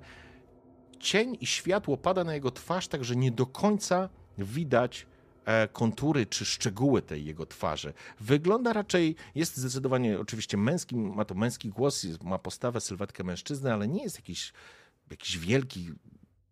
Powiedzielibyście, że mężczyzna w średnim wieku, dobrze ubrany, z prostą sylwetką nienaganną, ale coś jest nie tak z jego twarzą na 100%. To nie jest tak, że jest potworna, ale coś, coś wam nie pasuje. Im bardziej się chcecie przyglądnąć, tym bardziej te cienie zachodzącego słońca układają się tak, że nie sposób to dostrzec. A więc, panie Gaban, zaraz podpiszemy umowę. A reszta z państwa? Ja staram się, ja staram się unikać wzroku y, Nolana. Generalnie tylko wyciągam y, kartę, tak kładę na stole przed siebie. Nie patrzę na niego, patrzę po prostu na tą kartę i pan chyba wszystko wie, jakie mam problemy. Takim drżącym głosem, jeszcze zestresowana, trzęsąca się po wyjściu z windy, ale uff, że żyje. I tyle. Rozumiem, panno Clarkson. Mamy zatem umowę. A panowie? Ja tak patrzę na niego i mówię, "E, ja dla, dla siebie nic nie chcę. Weź zabierz stamtąd moją siostrę. Tak, Chloe potrzebuje kochających opiekunów. Gdzie podpisać? A więc mamy umowę. I pan? Czy chciałby pan potrzeć lampę? Patrzę na niego i, i teraz mam pytanie, czy, czy mogę użyć tego ruchu analizuj sytuację? Okej, oczywiście. To, to chciałbym to zrobić. Dobrze.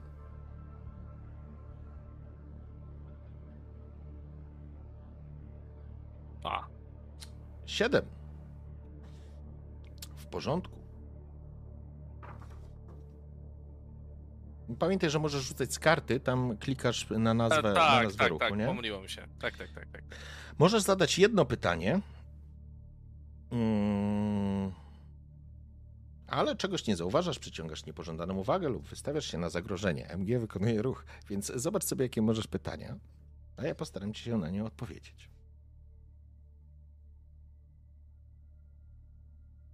Chciałbym zadać to pytanie, jakby, czy czegoś nie dostrzegam? Czy jakby poza tym, że jest on, jest ta klepsydra, czy jest coś poza tym? Oczywiście jest pomieszczenie zupełnie, zupełnie normalne się wydaje.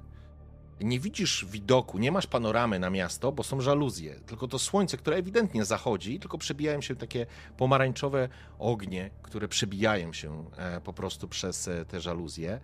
Czego nie widzisz? Nie widzisz jego twarzy. Zdecydowanie nie widzisz jego twarzy. Jesteś przekonany, że tą twarz widzieć powinieneś. Czy zastanawiasz się, czy coś jest ukryte? Myślę, o, możesz zauważyć. Twoja komórka nie działa. Patrzę w komórkę, mówię, kurwa, co jest? Przecież jesteśmy w podziemiach, dlaczego nie działają tu komórki? Co tu się dzieje? Ale przyglądałeś się wystarczająco długo i jakby zostawiłeś tą dużą przestrzeń. Taką, że pan Nolan również zauważył twoje wahanie. Słyszysz, jakby szeptał ci do ucha, ale jego pozycja się nie zmieniła. Czego szukasz, człowieku, w miejscu, którego nie możesz zrozumieć? Przybyłeś tu prosić mnie o pomoc, więc proś. I to było tylko to, co ty usłyszałeś.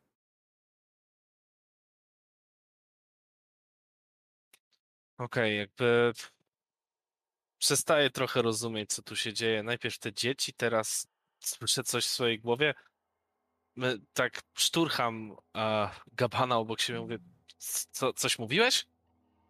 Co, Koszu, ja tu robię deal, wiesz? Będę... Tak, to wszystko załatwi. Nic od ciebie nie chcę. Tak, otrząsam się i myślę, dobra, w sumie, co mam do stracenia przecież? Nic nie może być gorzej niż teraz. I mówię, gdzie podpisać? A więc mamy umowę. Zwraca się również do was. Do, do ciebie, Frank, tak naprawdę, jakby do ostatniej osoby.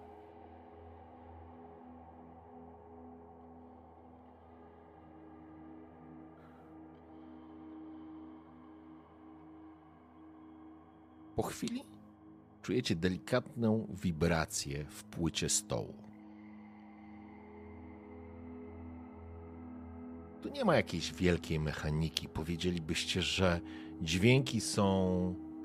e, Przepraszam, elektroniki. Powiedziałbym, że dźwięki są takie bardzo mechaniczne. Słyszycie, jakby pracowały jakieś tryby, jakby zaczęły cykać, jakby, jakby po prostu koła zębate się za, za, za, zatrzymywały. Przepraszam, zaczepiały jedno o drugie te zęby i słyszycie, tyk, tyk, tyk, tyk, jak to po prostu zaczyna funkcjonować, coś działać, coś pracować, jakiś po prostu mechanizm. I dostrzegacie, jak przy waszych rękach, to znaczy rękach przed wami, z, ze stołu zaczyna wyrastać tak naprawdę taki ostry szpikulec.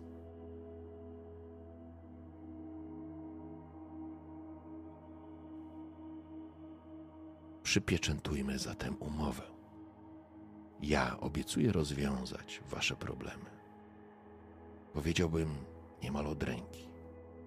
Oczekuję w zamian od was przysługi, kiedy o to poproszę. Karty zostawicie tutaj, nie będą wam już potrzebne. Kiedy przyjdzie czas spłaty, dostaniecie nowe.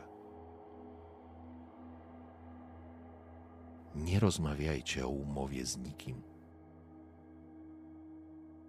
bo wówczas życie, o które prosicie, się skończy. A teraz przebijcie wasze dłonie na szpikulcu. To jest tak kurwa pojebane, że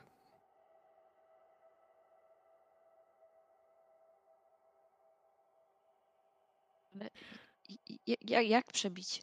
Je- c- c- Całą? Pa, On tak palec? on tak spogląda, spogląda. Metafora taka. Dos, dopiero teraz dostrzegacie, że przed nim również pojawił się. On stoi tak u wezgłowia stołu, nie? Wy powiedzmy siedzicie po dwójka z jednej i drugiej strony. Podnosi dłoń. O tak. Patrzy się na was, po czym powoli kładzie dłoń na szpikulcu i widzicie jak przebija to dłoń. On nie krzyczy. Krew zaczyna cieknąć na stół. Przebija mu i wychodzi szpikulec drugą stroną w ten sposób. Postarajcie się trafić między kości, żeby łatwiej się goiło. Krew, Tak, dostrzegacie jak, dostrzegacie jedną rzecz, taką, której wcześniej nie widzieliście, pochłonięci rozmową z mężczyzną, kiedy pojawiły się te cholerne kolce, dostrzegacie, że jakby pojawiły się w stole, w fakturze stołu takie rowki, które, które odprowadzają krew i widzicie, że ta krew spływa, na środek stołu jest taka jakby misa, która, misa, takie zagłębienie jakby mieszalnik nazwałbym w ten sposób, bo dostrzegacie, że wasze rowki prowadzą właśnie do tego. I w tym momencie z jednej ze stron krew po prostu spływa do tego mieszalnika. Nazwijmy to mieszalnikiem.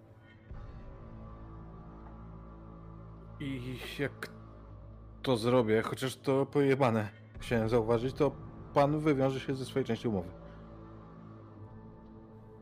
Nic nie jest mocniejsze niż przysięga krwi. Ach chuj tam, w pace też tak mówili. I ja nie robię tego tak powoli jak on, Mhm. tylko chcę, zanim się rozmyślę, uderzyć. I myślę, że ten szpikulec, kiedy wyjdzie na wierzchu mojej dłoni, to przebije mm, charakterystyczny tatuaż. To jest czarna ręka z białą literą M na środku. Mhm. Symbol e, gangu więziennego. Okej. Wrzuć sobie na weź się w garść.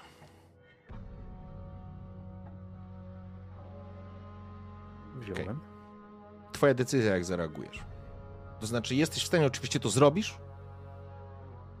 Wiesz Jeżeli- co, ja Mhm. Mm, tak, wiesz, zanim zrezygnuję, bo ja oczywiście, że się boję, tak?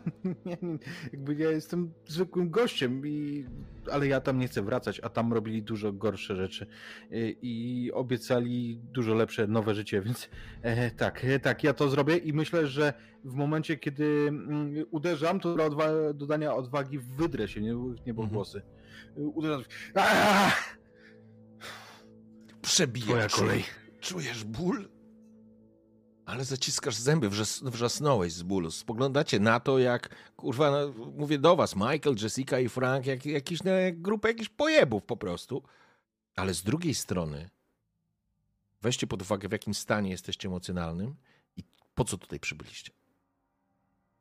na pewno Michael, jak zobaczył, jak już tam jedna osoba przebija, to kładzie tą rękę na tym szpikulcu i drugą stara się przygnieść, jakby cięż, ciężarem ciała przecisnąć tak, żeby przebiła się cała ta ręka.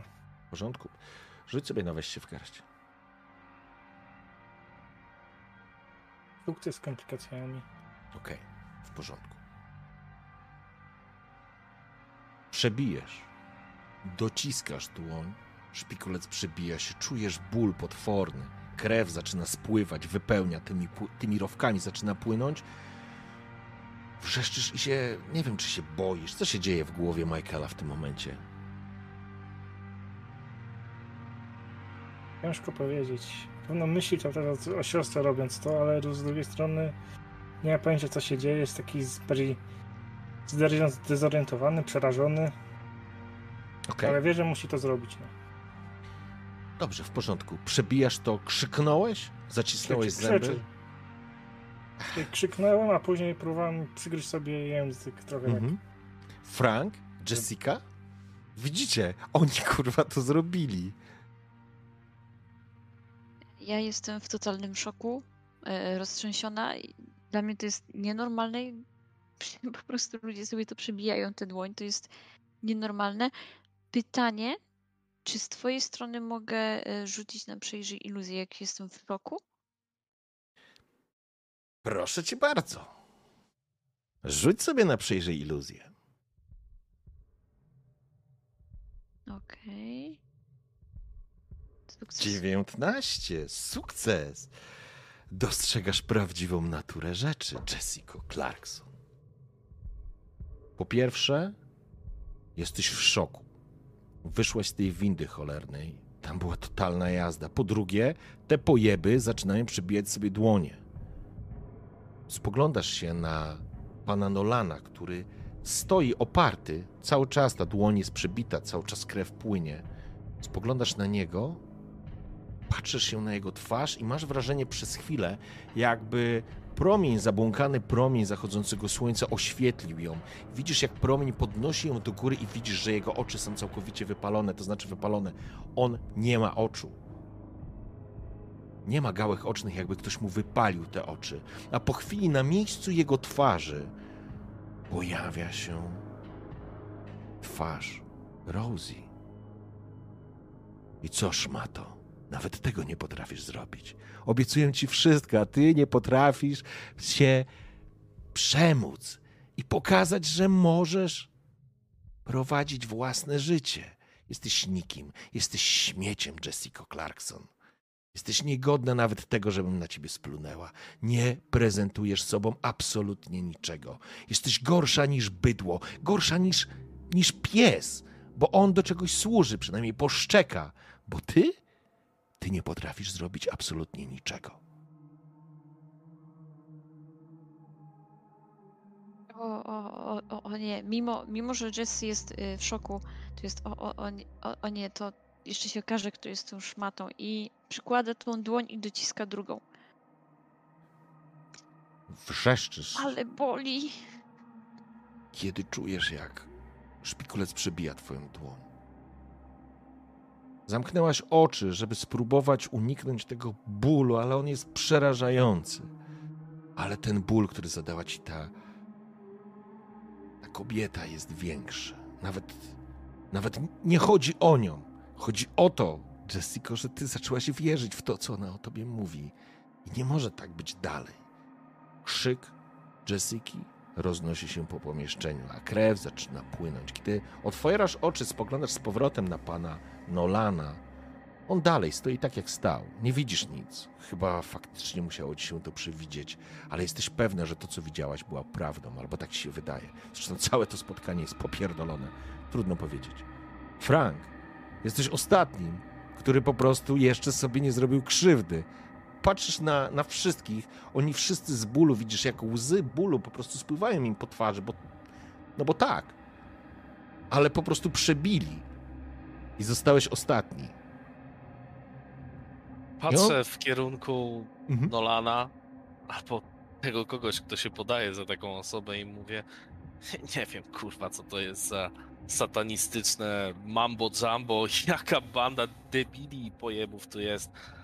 Ale jeżeli to ma cofnąć wszystkie moje problemy, to jeżeli czerpiesz z tego jakąś pojebaną radość, to niech ci będzie. I po prostu kładę rękę i nie dociskam jej. Staram, staram się patrzeć w jego stronę, nie patrzeć na rękę i Mhm. po prostu tak naciskać. Tak samo jak on to robił. Powoli. Okej, w porządku, rzuć sobie na weź się w garść.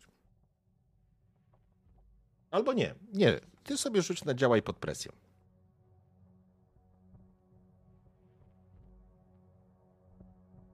Masz na tych ruchach, nie na drzewku. Mhm, jest, sukces z komplikacjami. Okej, w porządku.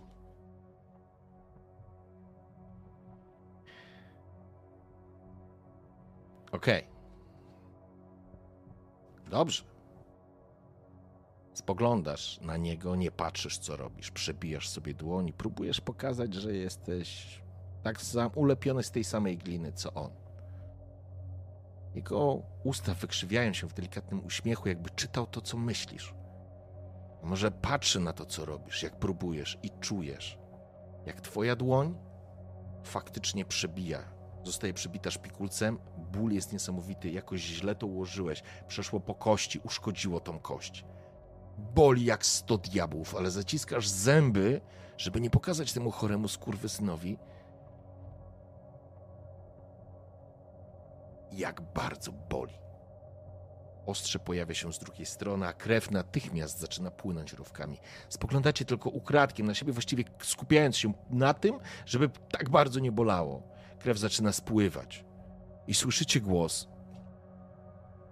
pana Nolana.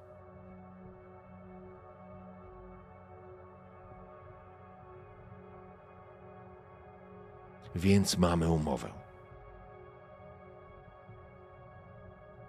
Upomnę się kiedyś o spłatę długu, a wy wówczas przybędziecie uregulować swoje należności. Za to, że zmieniłem wasze życie. Jeśli się nie pojawicie, albo zdradzicie komuś naszą umowę, zmienię wasze życie w piekło. Słyszycie taki obrzydliwy mlask, kiedy on wyciąga tę dłoń z tego szpikulca. Podchodzi do stołu i tą zdrową ręką uderza w klepsydrę, która się obraca. Srebrzysty piaseczek zaczyna się sypać w dół.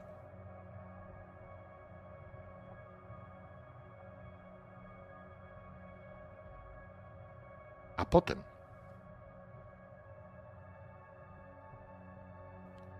wracaliście tą cholerną windą z rozwalonymi dłońmi. Pojawił się facet w korytarzu, ten od kart. Dał wam bandaże, żebyście mogli sobie owinąć dłonie. Zastanawialiście się, czy ktoś z was zakpił? Ale myślę, że byliście w takim stanie i w takiej sytuacji życiowej, że zrobilibyście dosłownie wszystko, nawet dla jakiegoś takiego chorego zboczeńca. Widzieliście, jak ta krew spływa i spada na tą posadzkę. Widzieliście rozbitą szybę, rozbite mm, lustro po uderzeniu Michaela. I wierzyliście jakoś tak bezsensownie, że, że faktycznie no, teraz już powinno być dobrze. No, facet tylko powiedział, że mamy sobie przebić dłonie, a wasze życie się zmieni. I zastanawialiście się, mieliście do siebie pewnie jakiś zestaw problemów, pretensji, kurwa, co ja zrobiłem, czy co ja zrobiłam. Ale od kolejnego dnia Życie się zmieniło. I nie wierzyliście. Kiedy zaszło was to do tyłu i kopnęło w dupę, mówiąc, że hola, od dzisiaj będzie lepiej, inaczej i lepiej. Kiedy Gaban dostałeś poleconym na drugi dzień z bolącą łapą, wiesz, opuchniętą, nie było cię stać na, na wizytę u lekarza, nie miałeś ubezpieczenia. Więc y, co, wódą, jakimś bandażem i będzie dobrze, kurwa, nie? Musi być dobrze. Trzęsącą ręką, kiedy wyciągnąłeś, wyciągnąłeś rękę po... Od kurier przywiózł ci dokumenty. Proszę o podpis. Czy zobaczył na twoją rękę. W porządku, bez podpisu. Grację, dzięki. I biorę ten, y, tę kopertę. Mhm. Niezgrabnie, bardzo niezgrabnie staram się rozedrzeć, nie patrząc nawet y, skąd przyszła. Mhm. I myślę, że gdzieś naderwę nawet kawałek tego, tego dokumentu, który tam jest przez przypadek, bo robię to lewą ręką. Minęło dwa, no powiedzmy, doba minęła od spotkania z panem Nolanem, a ty urywasz to. Boli ta łapa jak skurczysyn, ale wyciągasz szarą kopertę z pieczęcią. To było Princeton, dobrze pamiętam? E, tak, to było Princeton. Okej, no w każdym razie uczelni, na którą składałeś dokumenty i wiedziałeś, że szanse są żadne, ale kiedy otworzyłeś i zobaczyłeś wniosek, co zrobił Mati Gaban, kiedy przeczytał, że szanowny panie, pański wniosek został rozpatrzony pozytywnie. Prosimy o przygotowanie i bla bla. Już dalej tego nie pamiętasz, co tam było napisane. Ja się popłakałem. Popłakałem się jak dziecko. E, stałem w tym przedpokoju z em, dokumentem w jednym ręku, niezgrabnie obandażowaną raną na drugim i ryczałem jak dziecko, po prostu jak grochy leciały mi łzy po moich policzkach pokrytych tymi, e, tymi więziennymi tatuażami. Teraz będzie inaczej. Inaczej. I pobiegłem, żeby wykonać telefon, żeby od razu zadzwonić do pana Giulianiego i, i mu się pochwalić. Tak. Połączenie do zakładu karnego. Był taki moment. Jak traktował cię Giuliani? On był pierwszym, kto zobaczył we mnie jakikolwiek potencjał. A był równocześnie jedynym moim takim wzorcem, jakiego brakowało mi od małego. Był jedynym ojcem, jakiego ja miałem, bo on mnie przygarnął w więzieniu, on mnie obronił i on teraz, oczywiście zakulisowo, on jest na wielokrotnym dożywociu, ale dalej pilotuje mnie, żebym rozwijał się w strukturach grupy, więc y, on y, traktuje mnie tak, po ojcowsku to jest bardzo dobrze ujęte. Giovanotto, Mati, czyli młody, krótko mówiąc, młody człowieku, tak by zwraca się do ciebie. Masz jakieś wieści? Udało się. Udało się, panie Turi. Fantastyko. Wiedziałem, wiedziałem, że można na ciebie liczyć. Teraz dopiero mi pokażę, panie Turi. Wyśmienicie. Jestem z ciebie dumny, Mati. Jesteś jak syn dla mnie. A teraz, teraz będzie tylko lepiej. Nie wiem, jak ja panu odpłacę, ale, ale odpłacę. Naprawdę wszystko, wszystko co do. I ten człowiek, którego pan do mnie przysłał, ja to wszystko, tak. Ja wszystko spłacę z nawiązką. Człowiek? No, ten, co zakamuflował moją odsiadkę i, i no, dzięki któremu się dostałem. Ja nikogo nie wysy... Tik, tik, tik, tik, tik, tik. Połączenie Nie. zostało zerwane. Zapomniał. Pan Giuliani ma tyle spraw. Na pewno zapomniał, przecież nie będzie się przejmował kimś takim jak ja. Chciałbym dzwonić dalej, chwalić się ludziom dalej, ale dociera do mnie, że ja nie mam komu się pochwalić. Okej. Michael. Siedzisz w tym. Po drugi, na drugi dzień siedzisz w tym swoim pokoju. Tej melinie właściwie o po Davidzie tak naprawdę.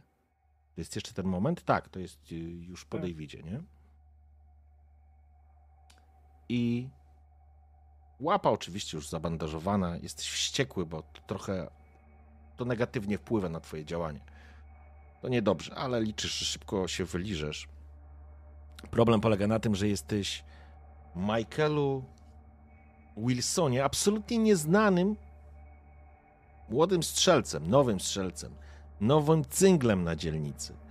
Nie ma Davida, nie ma kogoś, kto za tobą poręczy, nie masz żadnej reputacji, jesteś kurwa nikim. Przecież nie możesz pójść na ulicę i powiedzieć, okej, odjebie kogoś za 100 dolców. Przecież to nie o to chodzi. A nie masz pieniędzy. Kupa rachunków po prostu piętrzy się. Nie masz zleceń.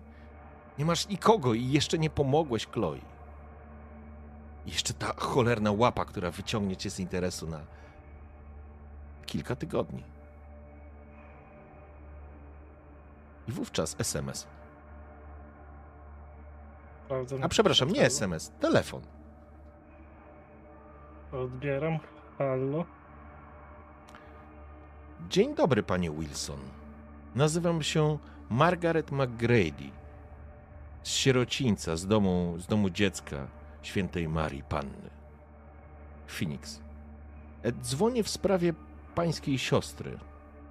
Chcę panu... Co chodzi?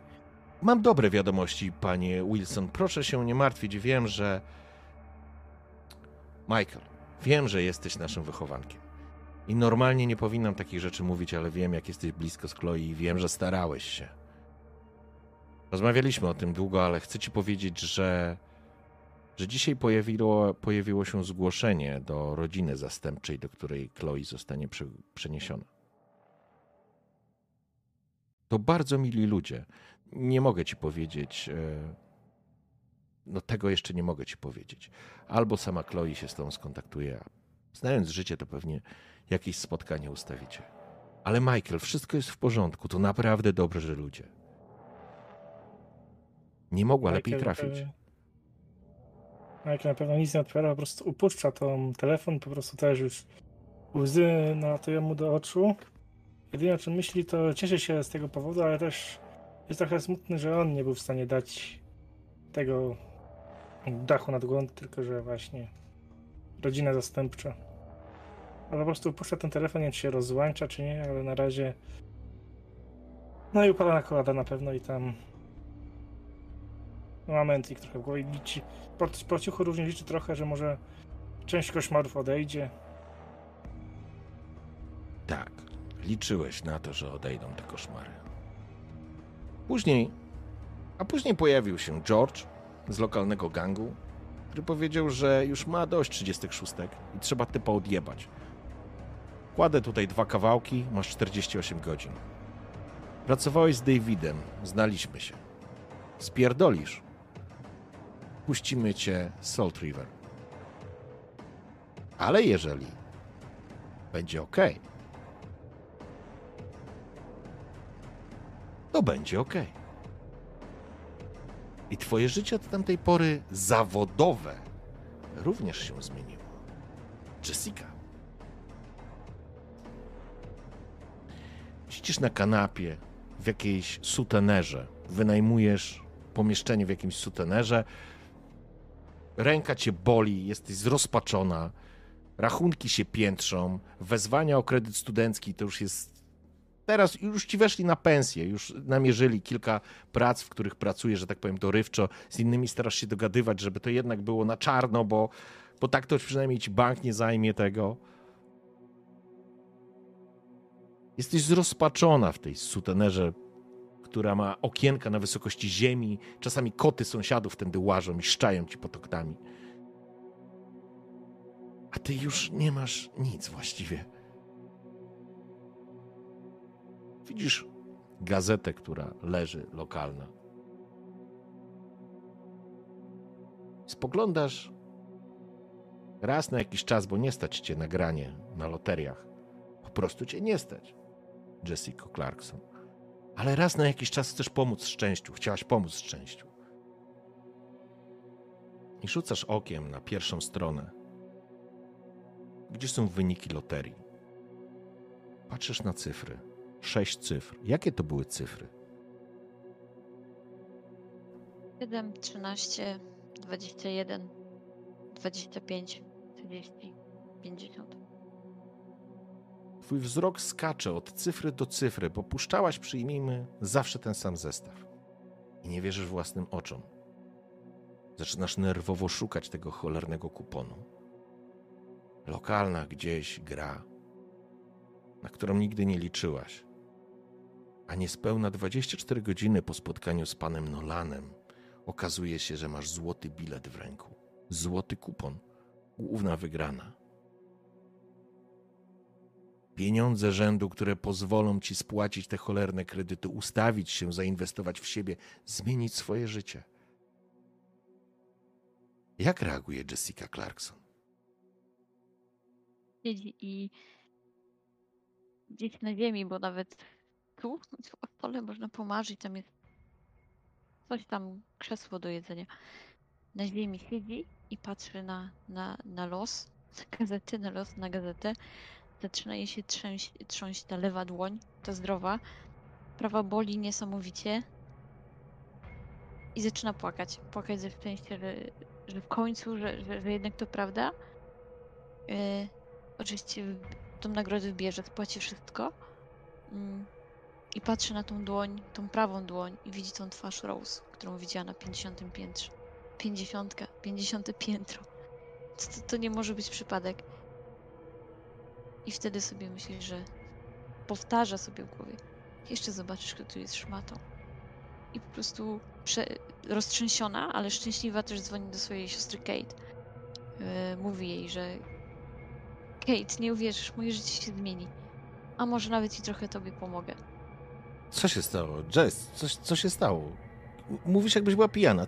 Co jest? Nie, nie, nie, no co ty, przecież wiesz, że mnie nawet nie stać na jakieś tanie piwo za dolara.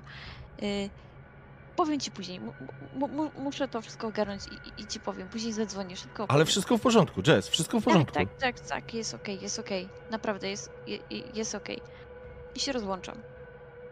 Trzymasz w tym zdrowym ręku ten kupon, patrzysz jeszcze raz na wyniki loterii i nie wierzysz. Ale już wierzysz. Wiesz, że wygrałaś. Wiesz, że twoje życie zaczyna się na nowo. Frank, Oj, myślę, że byłeś wściekły. Byłeś tak cholernie wściekły, że, że w ogóle zrobiłeś z siebie idiotę. Co to w ogóle było? No co jeszcze, mogliście się równie dobrze rozebrać i tarzać po ziemi, smarować nutellą, cokolwiek. To jakaś banda pojebów po prostu. I najgorsze, naj, najgorsze, najgłupsze i najgorsze w tym wszystkim było to, że ty też dałeś się porwać tej całej... Przecież to było popierdolone, no. Tak naprawdę siedzisz w tej swojej chacie, domu, nie wiem, melinie, nieważne. I czekasz na policję. Oni zaraz przyjadą. Dobrze, to chociaż się jakiś lekarz zajmie tą ręką. To, jakiś plus będzie z tego wszystkiego. A potem, niespełna 24 godziny po wizycie u pana Nolana, dowiedziałeś się, że sprawa została umorzona z braku dowodów że dzieciaki niestety najprawdopodobniej źle skończyły, ale opuściły granice stanu. I poprzednie poszlaki donikąd do, zaprowadziły. Ktoś się wycofał, zniknął dowód, zniknęli świadkowie. Może ktoś popełnił błąd. Oczywiście nikt oficjalnie takich rzeczy nie tłumaczy. Zakładam, że dostajesz to jakimiś swoimi kanałami informacje. Ale jeszcze tego samego wieczora byłeś przekonany, że jesteś czysty, że temat został zamknięty, że prokuratura zamknęła wątek. I jeśli to wszystko nie jest cholernym zbiegiem okoliczności, to ten psychol załatwił sprawę. Właśnie siedzę w, na fotelu, zastanawiam się, tak jakby do, docierają do mnie te informacje, jakby staram się wmówić sobie, że, że to ten Redondo, ten sierżant, on na pewno coś musiał po drodze spierdolić, zniszczyć dowód, ale myślę sobie, no przecież na bank przy, przy takiej akcji z dzieciakami nie mógł pracować tylko on, tylko pewnie cała grupa operacyjna. Dlatego nie, nie chce mi się aż wierzyć, ale kurwa, te satanistyczne mambo jumbo zadziałało i cokolwiek się stało teraz, teraz już to jest nieważne, jestem czysty. Mogę znowu zacząć rozdawać karty i może stać się kimś więcej niż jakimś parobem, który robi interesy, o których tak naprawdę nie wie i do, do, do, dowiaduje się w trakcie, a potem jest takie gówno. Nalewam sobie szklankę tequili, przepukuję gardło i po prostu rozkoszuję się myślą, że, że może teraz karta się odwróciła. I faktycznie się odwróciła, bo krótko po tym zaczęły się pojawiać tematy, których wcześniej nie robiłeś, byłeś za krótki. Nagle się okazało, że potwierały się możliwości. Że Phoenix to miasto wielkich możliwości. Tylko kurwa, dlaczego nikt o tobie nie pamiętał wcześniej? A teraz? Teraz, tak jak mówisz, przestałeś być chłopcem do. na posyłki, mówiąc wprost. Gościem, któremu się nic nie mówi. Który ma zamknąć ryj, dostać 500 dolców i zrobić to, Z punktu A do punktu B. Reszta to nie jest twój problem, chłopcze. To ty zacząłeś mieć takich chłopców i ludzi na posyłki. Jeśli to cholerne mambo jumbo zadziałało, to, to faktycznie zadziałało. I teraz, kochani, wrócimy do windy. Do 15 maja 2022 roku, kiedy znowu przybłysnie, bły, kiedy światło znowu błysło, jakby w lustrze, które jeszcze wtedy Michael rozbił, teraz już jest oczywiście no nowe. Kiedy licznik zaczyna po, podawać cyfry ponad 40 i powoduje to pewne poczucie jakiejś takiej niepewności, no bo to nie jest normalne. Ale czujecie się dokładnie tak, jak wyszliście ze swoich wspomnień, czyli jeżeli jesteście na poziomach stabilności, trzymacie, utrzymujemy poziomy stabilności, które są. Jedna różnica polega na tym, że teraz dostrzegacie, że mimowolnie każdy z was, każde z was pociera dłoń. A ciebie, Frank, rekonstrukcja drogo kosztowała i dużo czasu. I do tej pory, jak się zmienia ciśnienie, to zaczyna cię tak ta łapa boleć, że po prostu nie pozwoli ci zapomnieć, skąd to masz. Winda pojawi, wjeżdża na 50 piętro. Słyszycie jak 5 lat temu. Rozsuwa się, rozświetlając korytarz. I teraz proponuję, żebyśmy sobie zrobili 5 minut higienicznej i wracamy za piętkę, ok? Jasne. Pewnie. Czyli 22 tam 11 czy coś Tak, takiego. tak, dokładnie. Dobra. Dobra, no to czaty mamy 5 minut przerwy. I jesteśmy po krótkiej przerwie. Wracamy do Phoenix. I wracamy do gabinetu Mr. Nolan. To wszystko, co się wydarzyło, to wszystko działo się jakby było elementem waszej własnej świadomości, pamięci. Po pięciu latach po raz pierwszy jedziecie tutaj. I jakby pamiętaliście to. Doskonale. O tym nie mogliście zapomnieć. Oczywiście więcej tego czasu upływało, tym te wspomnienia stały się bardziej mgliste. Może czasami nawet przyszło do głowy, że ten moment nie nadejdzie nigdy. Ale kiedy pojawił się ten sam mężczyzna, który powiedziałbym, nie zmienił się zupełnie. Trochę podobnie jak Frank czy Michael. Bardzo podobnie wyglądają teraz, jak wtedy. No ale Jessica czy Matty to zupełnie inne osoby. Ale nawet po was, panowie, mówię o Michaelu i Franku, widać te pięć lat. Po mężczyźnie, który dał wam wizytówkę, wizytówkę absolutnie nie. W każdym razie, kiedy winda się zatrzymała, jesteśmy właśnie w tym momencie. Ding. Spoglądacie, macie, macie bliznę po prostu. Nawet jeżeli ona była, mm, myślę, że Jessica albo Mati, to osoby, które chciały na przykład mm, albo ukryć, albo usunąć tą bliznę. Nie wiem, to jest pytanie do was. U mnie ona znika razem z y, tatuażami, więc to było łatwe po prostu. I tak mam makijaż na rękach. Okej, w Mi- porządku. Nic nie możesz szpecić ciała, tak więc Więc na pewno, na pewno tą e, bliznę usuniętą masz, jakby operacyjnie. Natomiast to jest trochę tak jak ten fantomi, fantomowy ból. Jak to się. Fantomowy? Nie jestem spe, pe, pewien słowa, ale wiecie o co chodzi. Tak, tak, ból fantomowy. Po, ampu, po amputacji odczuwa się ból w nieistniejącej kończynie i dokładnie tak samo, Jessica, pomimo że tego, tej blizny nie widzisz, to czujesz tą bliznę, dokładnie miejsce, w którym przebiłaś wówczas tą dłoń. I jakby ten poziom rozproszenia, czy, czy te, jak mówiłem, stabilności, jakby zostaje z wami. Wy po prostu wchodzicie. I teraz oddaję wam pytanie, co, czy chcecie coś jeszcze zrobić przed wejściem do pana Nolana. Ja staram się przekuć swój stres na mm, ukryć go za kpiącym uśmieszkiem wystudiowanym. Co myślicie, że znowu będziemy musieli coś sobie przebijać? Za to, że ci co mam teraz? Walne wieża. Słowo daje walne wieża. no szczerze nie sądzę, żebyśmy musieli przybijać drugą dłoń raczej. To może być coś więcej. Ale za to życie, co mam? Oczywiście, że warto. Ech, cokolwiek by to było, mam nadzieję, że to się szybko skończy i będziemy mieli to z głowy.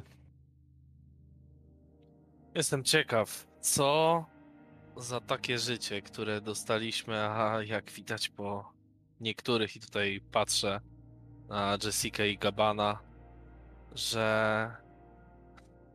że jestem ciekaw, co jeszcze jest w stanie nam zaoferować, czy o co poprosić za takie, no cóż, sukcesy.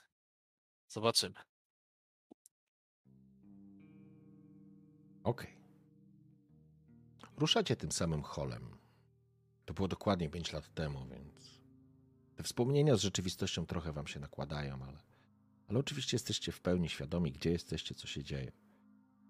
Ale trudno właśnie uciec od takiego ruchu, macania tej dłoni, która rzecz jasna jest zupełnie normalna. Dokładnie to samo pomieszczenie. Ten sam stół, ale nie widać szpikulców. Nie ma również pana Nolana, który pewnie wejdzie tak jak wtedy, żeby zrobić wrażenie. Dziwny facet. Ale znowu słońce jest zachodzące, żaluzje, przy, drewniane żaluzje, które są złożone, przez nie przebijają się te czerwone promienie. No i klepsydra. Ale klepsydra i nie jest pusta tak jak wtedy. Taka, że on uderzył ją, to znaczy prze, przeobrócił i ona zaczęła sypać. Wy dostrzegacie, bo każdy, bo nie sposób jej nie widzieć, ona stoi po prostu na stole. Widzicie, że ona do, jakby trudno określić dokładnie, ale część tego, tego piasku jest już przesypana. On nie jest w całości, ale powiedzmy, nie wiem, na oko, jakieś połowa, może trochę więcej, może trochę mniej, no ale tak mniej więcej. I ona po prostu sypie się cały czas teraz. Wtedy tak się nie sypała. I kiedy siadacie, pytanie, czy siadacie w tych samych miejscach, co siedliście 5 lat temu? Dokładnie w tym samym. Okej. Oj, natychmiast każdy z was, jak nie poczuł, to, to na pewno dotknął się dłoni. Tutaj wiecie, że ten cholerny mechanizm jakiś jest. Chociaż patrzycie, jest, ten stół jest jakby z solidnego, jednego, przepraszam, kawałka drewna pięknego. No nieważne, ale wiecie, co tu się kryje. I po chwili faktycznie, jak na zawołanie z pomieszczenia obok wchodzi, do tego pomieszczenia, do tej salki, wchodzi pan Nolan. Dokładnie tak samo idzie, dokładnie tak samo wygląda, dokładnie tak samo lampy na korytarzu lekko zamigotały, kiedy on się pojawił. Dokładnie tak samo cienie i światło układa się na jego twarzy, tak że tej twarzy nie widać. Ale widać piękny uśmiech, wyreżyserowany ja, jakże, ale nieważne, on się uśmiecha do was, pokazując białe, równe zęby. Dzień dobry państwu. Pan Nolan, dzień dobry. Uśmiecha się w twoją stronę, Gaban. Widzę, że dużo się zmieniło w waszym życiu. Dzień dobry, tak. Jak widać, Panna Clarkson, cóż za zmiana. Oszałamiające wrażenie. Patrzę na niego i mówię: To co, panie Nolanie? Co teraz mamy sobie przebić? Ależ nic. Nic nie będziecie musieli sobie przebijać. Zaręczę. Ale fakt, że czas uregulować rachunki. Jest mi niezwykle miło, że zdecydowaliście się przybyć. Lubię ludzi, których słowo coś znaczy. Co u siostry, panie Wilson? Wszystko dobrze. Tak uśmiecham, ale też staram się nie, nie wchodzić w jakąś dyskusję, tylko czekam, Mhm. co powie. No. Okej. Interes kwitnie, panie Jackson, prawda? No cóż, nie skłamałbym. Zresztą, nawet jakbym próbował, przecież pewnie pan wie, jak jest. Tak, kwitnie. Jak najbardziej. Wyśmienicie. I nie musiał wcale pan pocierać magicznej lampy. Uśmiecham się i nic nie mówię. Dobrze, nie będę przedłużał, ponieważ wiem, że wasz czas jest cenny. Zatem obraca się, podchodzi do takiego sekretarzyka, który stoi w rogu. Otwiera szufladę i wyciąga z niej teczkę. Podchodzi do stołu. Tam, gdzie wcześniej po tym rozłożonym była ta misa taka srebrzysta, w której mieszała się ta wasza krew z jego krwią, teraz oczywiście jest solidne drewno. Więc kładzie tą teczkę na stół i wy siedzicie tak jakby pomiędzy was, nie? Szanowni. Tak jak już powiedziałem, upłynęło 5 lat od naszego spotkania, więc czas rozliczyć naszą umowę. Przed wami znajduje się teczka, a w niej jedno nazwisko. Atkins, a dokładnie Emma Atkins. To osoba, której życie zniszczycie. Nie możecie jej zabić. Zwraca się bezpośrednio na Michaela. Nawet jeśli by o to prosiła. I teraz mówi to tak do Was. W teczce znajduje się również jedna karta. Dokładnie taka sama, którą dostaliście od mojego współpracownika. Kiedy uznacie, że Emma Atkins jest gotowa, przekażecie jej tą kartę.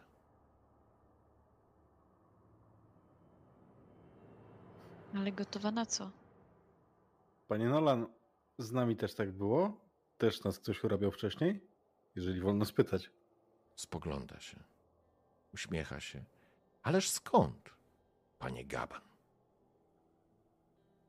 Ja od razu bym wziął tą teczkę i chciałbym zajrzeć, przeczytać, co tam mniej więcej pisze o tej Emmie. Okej. Wiecie co? Ja myślę, że jesteście wszyscy z Phoenix, więc e, Emma Atkins obiło, nazwisko wam się na pewno obiło. E, myślę, że Jessica może wiedzieć więcej. Mati również. Michael niekoniecznie. Frank, chociaż może gdzieś usłyszeć. W każdym razie, nazwisko na pewno gdzieś dzwoni. Dzwoni, ale nie wiadomo w jakim kościele. Ale ty, Jessica i ty, Gaban, wiecie o tym, że Emma Atkins to jest e, kobieta, która, która funkcjonuje w życiu publicznym. Ona jest aktorką i modelką. Jest osobą, która mm, miała bardzo przebojową karierę. Ona, Jessica może wiedzieć, ona jest po 30 teraz. Ma chyba dwójkę albo trójkę dzieci. E, jest modelką, aktorką. Angaże ma raczej takie to nie są jakieś takie topowe produkcje, ale gdzieś tam występuje. E, ma też swoją, tak, tak, na pewno ma swoją linię e, kosmetyków. Na stówę ją, pamiętasz, to się nazywała, ta linia nazywała się Kropla Natury albo coś takiego. Jakaś taka, taka, taka, taka, taka troszeczkę powiedziałabyś peryferyjna nazwa. E, I tak, to jest to, co, co, co, co gdzieś ci się kojarzy. Dla ciebie, Mati, jest to osoba, która faktycznie w życiu publicznym, może gdzieś byliście na jakiejś imprezie, może na jakimś raucie, a może na jakiejś akcji charytatywnej, gdzie ona e, była faktycznie gościem, on zapraszała. Ty wiesz, kojarzysz teraz. Ona prowadzi fundację. Fundacja nazywa się Walkiria i to jest fundacja, która działa na rzecz em, raka piersi.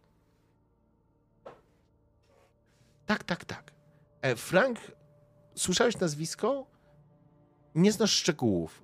To jest jakaś piosenkarka albo ktoś z miasta, nie? Ktoś w mieście, jakaś osoba publiczna, ale musiałbyś po prostu wygooglać. I kiedy znowu sięgasz, zerkasz tak naprawdę na telefon, widzisz, że ten telefon nie działa. Tak jak nie działał, nie działał 5 lat temu. Michael, absolutnie nie wiesz, kim jest y, Emma Atkins, poza tym, że nazwisko musi być znaną jakąś osobą w Phoenix.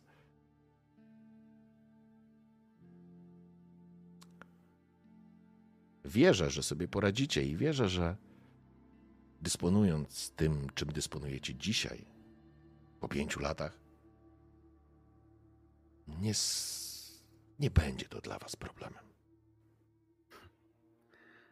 Żadnym, panie Nolan. To uczciwa scena. Uśmiecha się. Myślę, że jak najbardziej. Mówię, jednak jakby stopuję się i pytam. Ale dlaczego? W sensie nie ma problemu. Co za różnica. kto to jest, ale dlaczego? Panie Jackson, skoro nie ma problemu, to dlaczego pan pyta? W sumie. Nie moja sprawa. Może być. Uśmiecha się. Dziękuję pięknie. Karty proszę, żebyście zostawili. W teczce jest jedna karta. Nie ma tutaj dramatycznego upływu czasu. Nie chcę, żeby trywialnie to zabrzmiało, że do kolejnego wschodu słońca albo coś takiego. Nie jestem dżinem z lampy, uśmiecha się w stronę Franka. Ale wiecie, już wszyscy wiecie, że czas to pieniądz.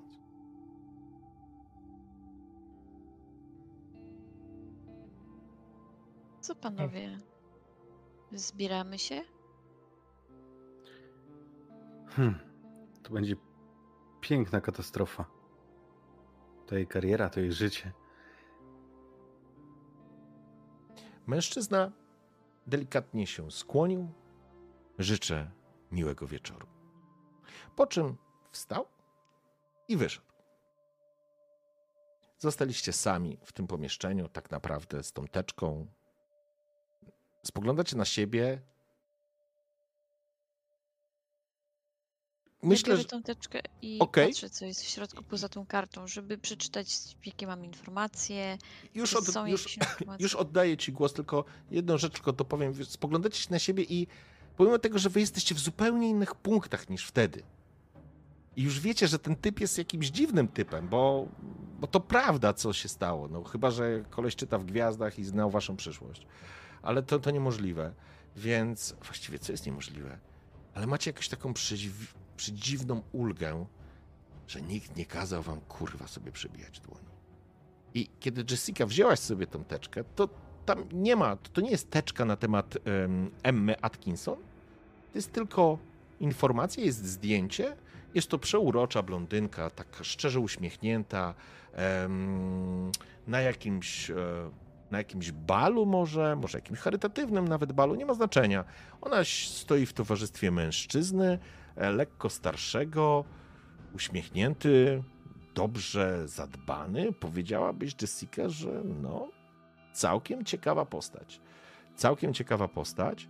E, Sam na jakimś zdjęciu. To jest tylko po prostu zdjęcie, wiecie, z jakiegoś magazynu, z jakiegoś fotoreportera. Imię, nazwisko, czyli Emma Atkins oraz faktycznie czarna karta, dokładnie taka, jaką dostaliście wy. Nic więcej w tej teczce nie ma. Tu jest tak dużo wrażliwych miejsc. Te dzieci, ta kariera, ten, ten wizerunek filantropki. Przecież ona sama się wystawia. To wy ją znacie? Tak średnio o niej słyszałem, że tak powiem. Co nie możecie powiedzieć? Ach, to zwykłe celebryckie, nadmuchane kurwiątko, które bywa. Stara się bywać tam, gdzie robi się interesy i pokazywać się z, z takimi jak my. Po prostu zarabia twarzą. E, Co tu więcej mówić? No ale ciekawe, czy ten facet to jej, to jej mąż, czy nie mąż? Mm, Jessica, ty akurat mm, o jej, że tak powiem, życiu mogłaś wiedzieć więcej? Tak, z pewnością to jest jej mąż. No panowie, no to ja chyba wiem, co mam robić. I się uśmiecham szmelmowsko. Czy gdzieś wychodzicie razem wspólnie, żeby to po prostu obgadać? Czy chcecie tutaj zostać i tą dyskusję prowadzić u pana Nolana? Ja myślę, że to jest najbezpieczniejsze miejsce w Phoenix, jeżeli chodzi o, Tak. o uszy w ścianach. Okej? A jakieś firmy ma, może jakieś... Jak No. zarabia? Ma fundację Valkyria, płacę im kilka dużych baniek rocznie. No proszę, no to masz pole do popisu. Z tego co wiem, to jakieś tam kosmetyki, jakąś linię też swoją kropla bez kitu, czy coś tam, nie wiem, coś tam prowadzi. Bie, A my spowodujemy, że będzie z czego? kitem. Nie, No, z- bez kitu czy coś, ale my, sprowadzi... A my spowodujemy, że będzie z kitem. bez kitu. Ja biorę na siebie fundację i te jej dzieci. No ja postaram się oczarować męża. Ja sprawdzę, czy wszystkie materiały do tej kropli, że tak powiem, a pochodzą z legalnego, z legalnych źródeł i czy, czy co się dzieje potem z tymi dzieciakami z fundacji. Hej, po co sprawdzać? Zrób tak, żeby nie pochodziły. Y, Bądź motorem. Płyń. Tylko pamiętaj, że to jest fu- fundacja raka piersi. Nie raka dzieci. No to sprawdź, czy z tymi piersiami jest wszystko w porządku. Wszystkie przebadam. A jakby panowie, panowie i pani Moich nie zrobić- musisz. zrobić tak, żeby się okazało, że te cudowne kosmetyki powodowały pewny uraz, na przykład. No, to jest myśl. Wiecie, no nie jedna myśli o tym, żeby mieć jędry, jędrny biust. Może ona coś tam tworzy takiego właśnie. Jakiś kosmetyk, specyfik. Mm, jakiś przyprawę dodać, żeby po wykryciu okazało się, że dosyć nie jest bezpieczna dla stosa do stosowania, że tak się wyrażę. A jakby się okazało, że prezeska jednej i drugiej firmy zajmuje się tym samym, więc Zawsze można piękne powiązanie znaleźć. Cóż, można po prostu spróbować zrobić tak, że kosmetyki, które produkuje pani Atkins, przynoszą korzyść jej fundacji, czyli co? Czyli po prostu w kosmetykach zawarte są jakieś substancje rakotwórcze i mamy przepis gotowy na sukces. No to czas y, zacząć gotować. Eee, słuchajcie, Jeżeli chce, chcielibyście na przykład zdobyć jakieś informacje, to możecie to zrobić, nie? Macie swoje i atuty i swoje możliwości, to to wszystko może wpłynąć na to, żeby, żeby pozyskać też jakieś informacje. No bo nie macie ich kompletnych i one są tyle, ile w głowie wam gdzieś tam zostało, nie? e, Mati, czy ty jesteś w stanie dotrzeć? Czy ma jakieś spotkania, bankiety, cokolwiek? W sumie jesteś jej fundatorem. Jestem to w stanie zrobić nawet bez pociągania za te sznurki, za które bym mógł. To znaczy, moja Susan znajdzie to momentalnie, bo my jesteśmy ich mm, mecenasem, ale tak, tak, tak, ja to wezmę na siebie, to jest żaden problem. Myślicie, że pójść na bankiet, y, no chociażby z tytułu jej fundacji, przejście, poddopytać, porozmawiać, będzie dobrym startem dla nas? Wtedy będą i dzieci, i pewnie mąż. Myślę, że Dzieci- możemy zrobić to na paru frontach. Wydaje mi się, że ty razem z Gabanem możecie się tam udać, a może ja z Michaelem obadamy sprawy, że tak powiem, zakulisowe. Dostaw, produktów i tak dalej. jestem za. Co do dzieciaków, to jutro będę wiedział, do których szkół chodzą. Jaki mają rozkład zajęć. No i super. Świetnie. No dobrze, no to widzimy się jutro, zgadujemy się, może wymieńmy się numerami, cokolwiek. Tak, myślę, że możemy się powymieniać numerami, nie ma problemu. Zapraszam do mnie. 12? Pokazuję, e, przekazuję wizytówkę, na której jest też adres e, biurowca zajmowanego przez e, Parnas Incorporated, Incorporated moją firmę. E, 12. Ja wyciągam z torebki swój kalendarz, patrzę, czy nie mam zapisanych jakichś spotkań. E, Czy to swoich, czy prezesa? Pasuje i Mhm. wpisuję. E, Nawet jeżeli masz coś, to jesteś w stanie to tak poukładać, żeby było ok. No to super. No to panowie, Nie jest wszystko bym jedno, już- także nie ma problemu. I dwunasta. tak. Ja bym już z chęcią wróciła, jednak co w chmurach, to w chmurach, a trzeba stąpić teraz na ziemię. No i wstaję i, i, i zbieram się powoli w stronę windy. Okej? Ja myślę, że się również po cichu zbiorę i też pójdę już w stronę. I teczki nie biorę ze sobą, zostawiam ją na stole. Ja chciałem w takim razie tylko otworzyć ją i wyjąć tę kartę, która tam była i włożyć Mhm. ją do swojego portfela. Okej. A, nie wiem, mną targa jakaś ciekawość i, i po prostu chciałbym pójść w kierunku tam, gdzie siedział e, nasz host, tak? Mhm. Nasz, nasz... On Po stał... prostu się tam przejść. Mhm. On stał u westgłowia e, stołu, faktycznie podchodzisz, zajmujesz to miejsce, w którym on, on przed chwilą tu był, nie? Ale jakby... Co chcesz zrobić? Znaczy, nie wiem, ten człowiek był na tyle dziwny i takie wrażenie na mnie wywarł, że no i te szpikulce, to wszystko, przecież stół jest gładki, a, a, a i tak, tak szukam jakichś mechanizmów, jakichś Mhm. przycisków, kurwa, skąd to wyszło? No taka wrodzona, tak, Okej. zawodowa ciekawość. W porządku.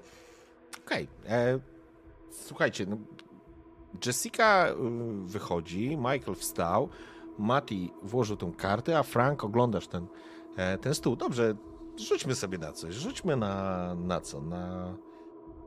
Myślę, że to będzie analizuj sytuację.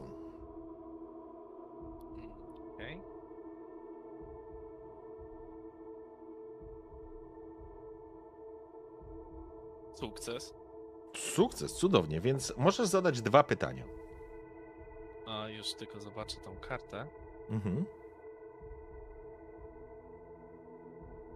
Widzicie, że Frank na kolanach zagląda, sprawdza, zaczyna się rozglądać, nie? A, chciałbym zadać pytanie, czy czegoś nie dostrzegam? Okej. Rozglądasz się, był ten mechanizm, słyszeliście wszyscy ten mechanizm wtedy, 5 lat temu, no ale będąc tu, jakby wspomnienia są żywe, tak jakby były wczoraj, więc, więc zaczynasz szukać, rozglądać się, gdzie jest, gdzie jest jakiś przycisk, coś, co uruchamia to wszystko. Ale im dłużej się przyglądasz, Frank, tym dłużej, tym bardziej jesteś przekonany, i to jest niepokojące, że ty nic nie pominąłeś w temacie tego stołu. Tutaj po prostu nic nie ma. Jest kawał żywego drewna, w sensie wiesz, jeden potężny e, blat. Albo, no ale nie, no potrafisz wyłapywać takie szczegóły. No różne rzeczy, triki widziałeś. No, no nie ma opcji. Po prostu nie ma opcji, ale ty jesteś przekonany, że nic ci tu nie umknęło. W tym sensie, że jakby oglądając ten stół z każdej ze stron, to nie jest tak, że, że coś mogłoby ci umknąć. Jeżeli tu coś było, to to musiało być tu. No nie wiem, może zmienił stół albo, albo byliście na haju, ale nie byliście na haju. Więc jesteś przekonany, że nic nie pominąłeś. Stół wygląda zupełnie naturalnie i normalnie. I to jest najbardziej niepokojące, bo ty wiesz, co się wydarzyło i jak się rozłożył ten stół. Wy jesteście już natomiast przy windzie i Franka jeszcze nie ma. Widzieliście, że on tam sprawdzał i grzebał przy tym stole. Okej, lepiej. to e, chciałbym jeszcze w takim, bo dwa pytania mam, tak? Mhm.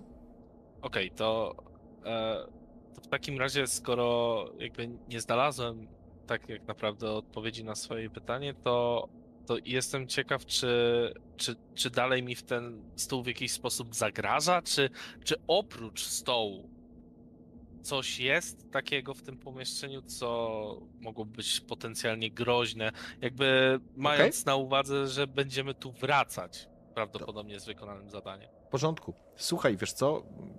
Mówię, niepokojące jest to, że jakby odpowiedzią na twoje pytanie jest to, że nic nie znalazłeś.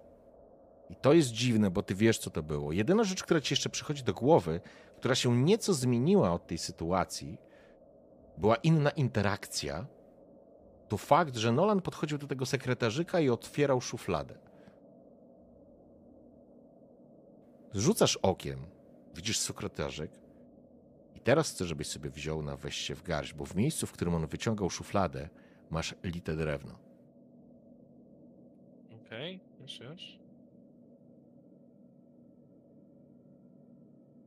U, Wiesz, podchodzisz, sprawdzasz, porażka. E, Da. e, I to jest coś, co wytrąca cię z równowagi, bo, bo ty jesteś takim, powiedziałbym, realistą, bardzo konkretnie. Starasz się to jakoś, wiesz, wytłumaczyć, ale tego się kurwa nie da wytłumaczyć. I ty wiesz, że nic nie pominąłeś przy tym stole i wiesz, co z tego stołu wylazło 5 lat temu. I wiesz, że on poszedł do tego kurwa pieprzonego sekretarzyka i wyciągnął stamtąd dokumenty, czy tą teczkę, a teraz nie ma tu żadnej szuflady i nie ma żadnych, wiesz, rysek, czegoś, co, co mogłoby, wiesz, klików, że to się wysunie. No nie ma opcji, to, to kawał drewna jest po prostu.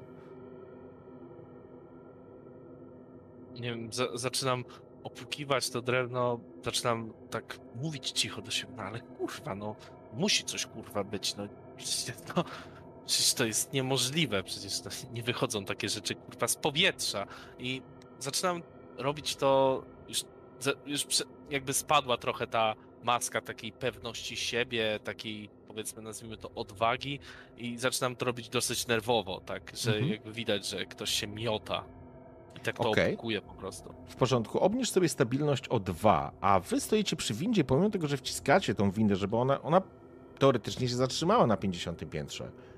Ale kiedy wciskacie przycisk, ta winda się nie otwiera. O jest. Bo kogoś Widać. brakuje tutaj. Do tego tańca trzeba czworga. Boże, a gdzie jest tamten koleś? Tam próbuję krzyknąć. Frank, chodź tutaj, czekamy na ciebie, Frank. Słyszysz No i- jakieś odgłosy z korytarza, ale tam coś się dzieje, tam w środku coś się dzieje w tym pomieszczeniu. Nie, nie ma krzyków ani niczego takiego, ale jakby słuchać pukania, uderzenia, takie jakby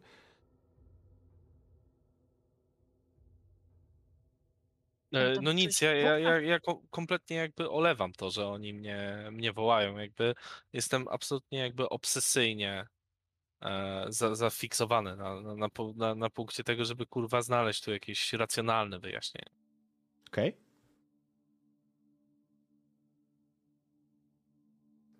No, nie wraca. Jakby słychać, on tam cały czas coś robi, puka, uderza, przesuwa, jakieś, no, idą jakieś odgłosy, ale, ale Frank nie wychodzi. A winda się nie otwiera. Jezu, co on tam jakieś przemeblowanie robi czy coś i po prostu idę taka wkurzona w tamtą stronę. Mhm. Ja łapię oddech i też idę. Okej, Ani mi się śni po niego iść. okej. E, Frank, jaki ty masz poziom stabilności teraz? A w tym momencie ten trzeci, ten Jak on się nazywa? poważny stres, tak? Okej. No, no, a jak on się tam nazywa? E, wstrząśnięty. Wstrząśnięty. Okej, w porządku, więc wchodzicie, w sensie Jessica, zaglądasz w to, w ten, w, jakby w to wejście na tą salkę, Michael również obok Jessiki widzicie, że Frank fakty, faktycznie, no, widać po jego twarzy, że on się nie zachowuje do końca racjonalnie, to znaczy nie ma jakiegoś totalnego szaleństwa, ale coś się musiało wydarzyć, on puka, sprawdza, mówi coś do siebie na zasadzie, kurwa, no gdzieś tu musi coś być, nie? I widzicie, że opukuje ten sekretarzyk, który, do, z którego wyciągał dokumenty e, jeszcze niedawno e, Nolan. Ja Frank, co ty tutaj włamania robisz? Chyba to zły adres, co? A ja tam podchodzę do niego i chciałem go tak zapać za ramię i mówię, chłopie, ogarnij się. Wychodzimy stąd. Kiedy, kiedy Michael mnie dotyka, jakby oczywiście nie atakuję go, ale tak się odsuwam, mówię, kurwa, ale pomyślcie, nie, jakby robicie wszystko to, co, co nam kazał, jakby nie interesuje was skąd on jest, skąd się wzięły szpikulce, skąd jakaś misa, kurwa, teraz zobaczcie, to jest lite drewno, wyszły stąd dokumenty. Jak? Może ma jakiś magiczny pstryczek, chłopie, no szczerze nie mam zamiaru wracać do poprzedniego życia i tyle, nie? Jak chcę im szybciej to wypełnimy, tym chcę szybciej o tym zapomnieć, więc im szybciej stąd wyjdziemy, tym będzie dla mnie lepiej. Więc się zbieraj chłopie i spadamy stąd. No właśnie, z łaski swojej i tak patrzę na niego takim żenującym wzrokiem. A jeszcze mam takie pytanie w sumie. W tym pokoju są jakieś okna?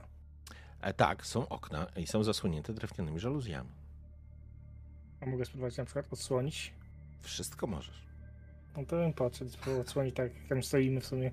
Okej. Okay. To Jessica, widzisz jak Michael cię mija, wchodzi, wchodzi do środka i podchodzi do żaluzji. Jezu, a ty co, chcesz polatać czy co?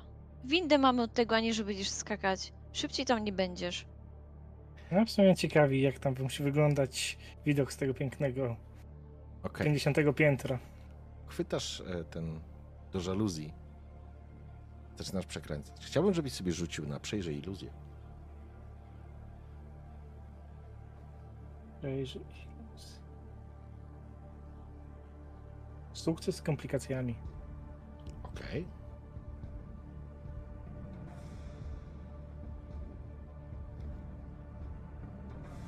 Stoisz przed tą żaluzją, tam widzisz ten poblask słońca. Ty odkręcasz i te żaluzje delikatnie się zaczynają ustawiać. Dostrzegasz, najpierw oślepia cię promień słońca, taki jakby ktoś bezpośrednio w twoje oczy po świecił, że tak powiem. E, Jakby te promienie słońca padały bezpośrednio na twoje oczy. Przymykasz lekko oczy, po chwili przyzwyczajasz się do blasku i dostrzegasz, że stoisz bardzo wysoko. Dookoła ciebie pną się do góry wieżowce, ale to nie są wieżowce w Phoenix. Widzisz jakieś konstrukcje, które ciągną się do góry i masz wrażenie, że część tych konstrukcji, tych wieżowców, które faktycznie można byłoby znaleźć w dużych amerykańskich miastach, jest zniszczona, ale część jest w ogóle totalną mozaiką jakichś innych, tworze, tworzonych budynków, jakby zlepionych z różnych architektonicznych mm, elementów. Słońce, które wisi, to nie jest słońce, tylko jakiś taki rozlany punkt świetlny pod ciężkimi, takimi żółtymi, czerwonymi chmurami, które, z którego się przebija i raz po raz po prostu pada mniej więcej w te, w te okna. Spoglądasz się gdzieś w dół, przed tobą się rozpościera jakieś niekończące się miasto. Wśród widzisz tych wieżowców, budynków, latają jakieś ptaki. Mrużysz oczy, oczy zaczynają ci łzawić. Kiedy dostrzegasz gdzieś, to jest niemożliwe, żebyś to dostrzegł, Michaelu, ale to miejsce i czas działa trochę inaczej, a ty się spoglądasz. Kilkaset metrów od ciebie, jeden wieżowiec, jedno okno spośród miliona okien w tym wieżowcu. W tym wieżowcu stoi jakaś postać. I masz przez chwilę wrażenie, jak spoglądasz się w blade, mętne oczy czegoś, co patrzy na ciebie. Rzuć sobie na weź się w garść. Weź. Porażka. I w tym momencie, to był moment, widzieliście, jak on tylko po prostu podszedł do tego. Nawet wy nie zauważyliście zupełnie niczego. On po prostu podszedł, próbował to poruszyć, i w pewnym momencie Michael zaczyna wrzeszczeć. Z przerażeniem, Michael, cofasz się, wpadasz na te krzesła, wpadasz na stół i próbujesz się po prostu wycofać. Boże, Michael, co... Prze... Co, masz lęk wysokości, czy co? Minus dwa stabilności. Chodźmy stąd jak najszybciej, już nie ma sensu tutaj jechać. Chodźmy. Chcę Minus dwa stabilności sobie od razu wpisz. Mm, Jeszcze raz? Minus dwa stabilności chcę, żebyś sobie obniżył. Mhm. Ja po prostu chcę uciekać w tamtym momencie, po prostu... Nie Tak. tak. na nikogo, po prostu biegnę w stronę windy jak najszybciej, no. On wywraca, on tak jakby spanikowany przeskakuje przez te krzesła, wywracając je po prostu wybiega na zewnątrz. Ty usłyszałeś, Mati, również ten krzyk. Frank, spoglądasz na niego, znowu tu się dzieją dziwne rzeczy. Jessica, też widziałaś, co się dzieje. Ma urojenie, że coś tam y, jest nie tak ze stołem, drugi ma urojenie, bo popatrzył sobie przez okno. Boże, co za debile. Dobra, Frank, ty coś jeszcze też idziesz do okna popatrzeć? Nie, jakby w momencie, w którym e, jakby Mati? Nie, czy Boże, Michael. Michael. Michael, Michael, e, zaczął uciekać, jakby tak zapomniałem o tym, że, że, że postawiłem sobie jakieś zadanie i mówię po prostu tak takim przy, przygaszonym głosem, takim zrezygnowanym, że kurwa mi się nie udało. Mówię, dobra, kurwa, chodźmy stąd. I tyle. No, w końcu. No i zawijam się do windy. Kiedy Mike wpada taki z, przerażony tam e, w okolice windy. A ciebie co? Ktoś chciał, nie wiem, do kąpieli zabrać, czy o co ci chodzi? Nie, zabierzcie mnie zabierzcie. Nie, nie, gdzie jesteśmy, to nie, nie wiem. I w- podchodzę tam jakiś przycisk jest od tej windy, próbuję go wciskać, żeby jak najszybciej odpadł i... Wciskasz, on się zapala, tak jak się zapalał wcześniej, ale winda się nie otwiera. Kiedy Frank i Jessica wy dochodzicie, będziecie dochodzić do windy, czy zostajecie jeszcze tam? Tak, tak, tak. tak. Kiedy wy dochodzicie, to jak na zawołanie ta winda ting, się otwiera. Ja wpadam tam o te windy, tak do rogu, idę i tam wyciągam ten taki różaniec co mam tego swojego kumpla Mhm. i po prostu go trzymam się, po prostu no, staram się ogarnąć jakoś emocjonalnie. Różaniec, naprawdę? Przyjmujesz zlecenie, żeby zniszczyć komuś życie i teraz będziesz się modlił? Ja już nie wspomniałem po prostu pierwszeństwo i trzymam ten różaniec i... No nie mogę się na pewno, ale po prostu go trzymam, to jest taki... Okej. Na razie próbuję ogarnąć. Jeśli to mu pomoże, to niech sobie go trzyma. Nie wiem, co mu się stało. Podszedł do okna, może słońce za bardzo mu przygrzało, przez to, żeby, nie wiem... Zaczął wrzeszczeć jak poparzony. Chodźmy. Czas to jest pieniądz. A mój czas to jest bardzo duży pieniądz. Wsiadacie do windy, Tak. Jup. ciskacie parter. I Winda grzecznie i posłusznie zamyka się za wami. Ting! I sprowadza was na dół. Na sam dół em, Chase Tower. W ciszy, bez już żadnych dodatkowych przeżyć. Chociaż Michael faktycznie wygląda jakby jakby zobaczył trupa, a, a, a po Franku też widać, że jakby coś zmazało tą, ten, ten jego taki cwaniacki uśmiech z twarzy. Nie wygląda wcale już tak pewnie jak, jak zawsze, albo przynajmniej na początku. I kiedy drzwi się otwierają, ting, wy znowu jesteście na tym poziomie Chase Tower, gdzie rozpo... no wszędzie to wyobraźcie sobie jakiś taki potężny, e, potężny, jak to powiedzieć, e, przestrzeń handlowo gastronomiczną, tak, tak. Tylko, że to jest no, po prostu ogromne, nie? Ciągnące się w różne strony. Ta winda, jakby, to już zwróciliście uwagę, ona jest jakoś tak z boku, ona nie jest windą główną. Ale to też nie jest winda towarowa. W każdym razie, kiedy wychodzicie na zewnątrz, no spoglądacie, jest godzina, która tam była. No przyjmijmy, że, że jest już wieczór, więc, więc e, słońce już zaszło. A, I co chcecie zrobić, szanowni? Ja chcę po prostu wyjść stamtąd, pójść do jakiegoś baru, napić się czegoś i no, się przygotować do spania, które pewno się szybko nie skończy. Okej? No ja na 18 byłam umówiona z Marko, żeby z nim ogarnąć sprawy. W porządku? Ja miałem inne plany co do tego, kto pójdzie ze mną na mecz. Ja byłem przekonany, że ja nie zdążę pójść na ten mecz, ale teraz, y, jak wraca, e, wraca taka możliwość, to sięgam po telefon. Myślałem, że zabiorę jakąś atrakcyjną panią, ale upieczemy dwie pieczenie na jednym ogniu. Wybieram numer z telefonu, który mam zapisany jako locandiere, czyli karczmasz po włosku. Ciao. Ciao, Martin.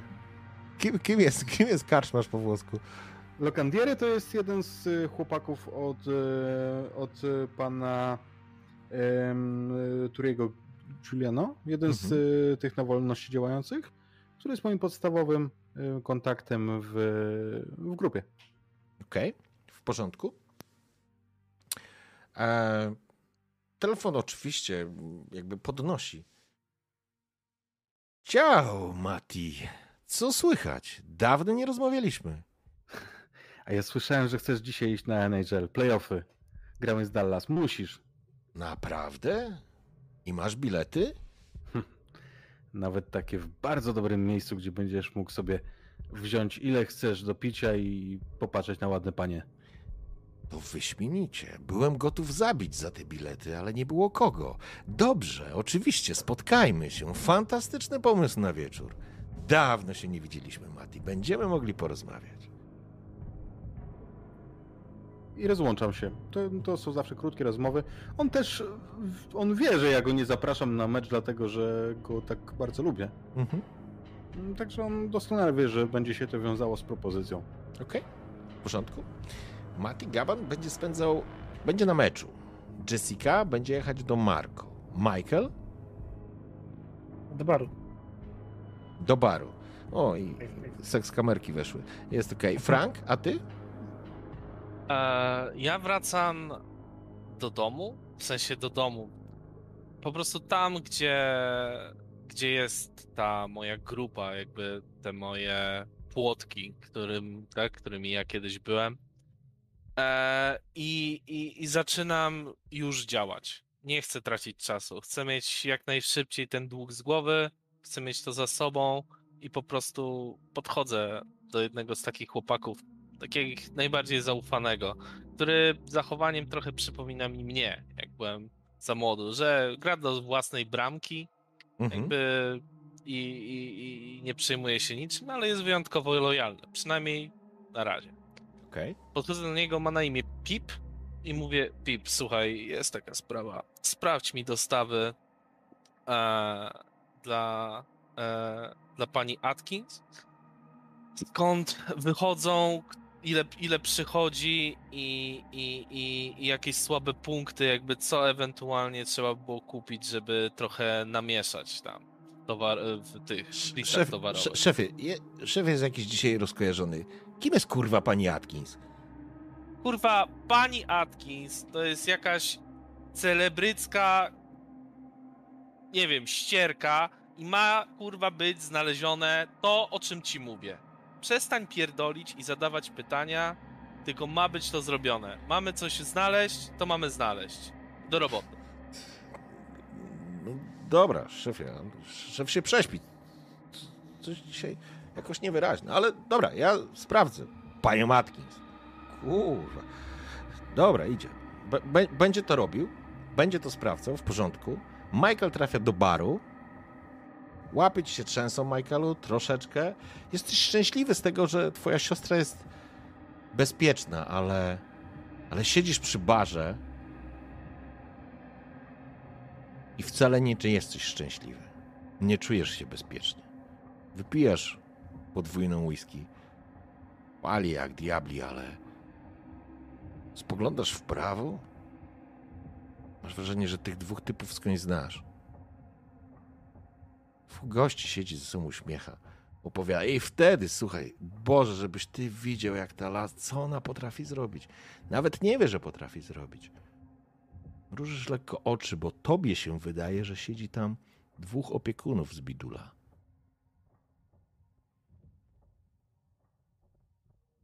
I ty widziałeś tych typów.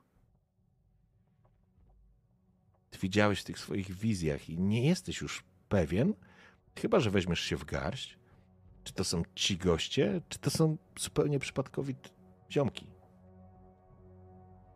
Spróbuję się wziąć w garść. Zwróć uwagę na weź się w garść, zobacz na poziom stabilności. Spadająca stabilność utrudnia branie się w garść. No, minus jeden. A ja to zrobię z utrudnieniem. Mhm. Jakie będzie? Rzucasz jeszcze raz. A, i tak ci wyszło Nie, porażka. Nie rzuciłem jeszcze, nie rzuciłem jeszcze. A, myślałem, że już ci wyszło. To rzucasz dwa razy i wybieramy gorszy wynik. No dobra, jest Porażka. porażka. Jest w porządku. To już nie rzucaj dalej, to już nie ma znaczenia. Michael, bo problem polega na tym, stary. To weź się w grać nie będzie obniżać ci dalej stabilności, ale kurwa, to są ci goście. Ja pierdolę, oni są ubrani tak, jak opiekunowie w tym pierdolonym bidulu. I ci goście mówią o tym, jak najprawdopodobniej zgwałcili kogoś. Albo zabawiali się. Bo to wiesz, im starsze te dziewczyny tam później były, czy chłopacy, to nie ma znaczenia. Te dzieciaki im starsze, tym bardziej kumały, co się dzieje, nie? Więc one na przykład wiedziały, że w pewnym momencie, kiedy już były pod taką presją, one wiedziały, że jeżeli będzie bez problemu, to one coś mogą zyskać. Ta świadomość i Chloe. Ja ci nie muszę więcej mówić, Michaelu, co się dzieje w twojej głowie. Bo ty widzisz tych dwóch typów, oni tam kurwa siedzą. Ja dopijam tą whisky, wstaję z tą szklanką. Próbuję podejść. Czy no podchodzę, nie próbuję, podchodzę. Staram się rozbić jedną szklan, tą szklankę na głowie jednego z tych gości. W porządku. To jest moment. Chlas, tuż, rozbija się na tysiące kawałków. Mężczyzna pada twarzą w, w stół, rozbijając jeszcze twarz o szklanka, która jest przed nim. Drugi typ stoi, co jest, kurwa? Wstaje do ciebie. Ktoś zaczyna Tak, co, na, krzyczeć. na stole jeszcze, jak coś, u mnie na stole leży jakaś butelka czy coś? Stoi butelka, No przyjmij to bym po chciał piwie. tą bu- butelkę drugą wziąć i spróbować zaatakować go tą Dobrze, butelką. to ja bym chciał, żebyś sobie rzucił szybciutko na, e, na, na, na, na, na przystąp do walki. Sukces z komplikacjami. Dobrze, w porządku. E, w takim razie zamachnąłeś się tą butelką, rozbijając na, na głowie. On, on, się, on się zasłonił i wyprowadził uderzenie pięścią, rozbijając ci nos. Ale to nic, co, co, co by cię mocno jakoś tam poraniło, bo butelka trafia w jego głowę. Ktoś zaczyna wrzeszczeć. Zaczynają wrzeszczeć kelnerki, jakieś kobiety, mężczyźni się odsuwają. Kurwa, co jest? Otwierasz tam oczy, Michael, kurwa, przecierasz, czujesz krew na ustach, nic poważnego, po prostu dostajesz strzała. Widzisz dwóch typów, którzy leżą na stole. Jeden się łapie, kurwa, co ty chcesz, człowieku, kurwa, weź się wyluzuj, ja pierdolę.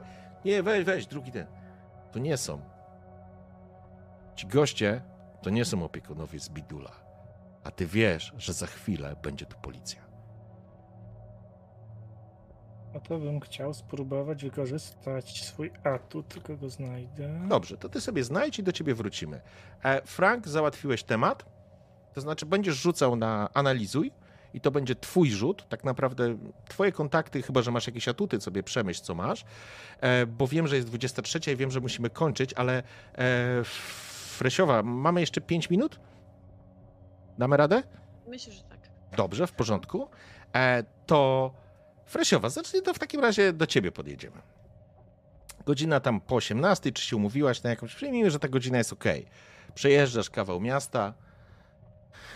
Eee, tak naprawdę nie do końca jesteś przekonana, czy ten typ w ogóle się tam pojawi, bo dlaczego miał się pojawić? No po prostu, kurde, no dowiedział się, że go wydymałaś, ale...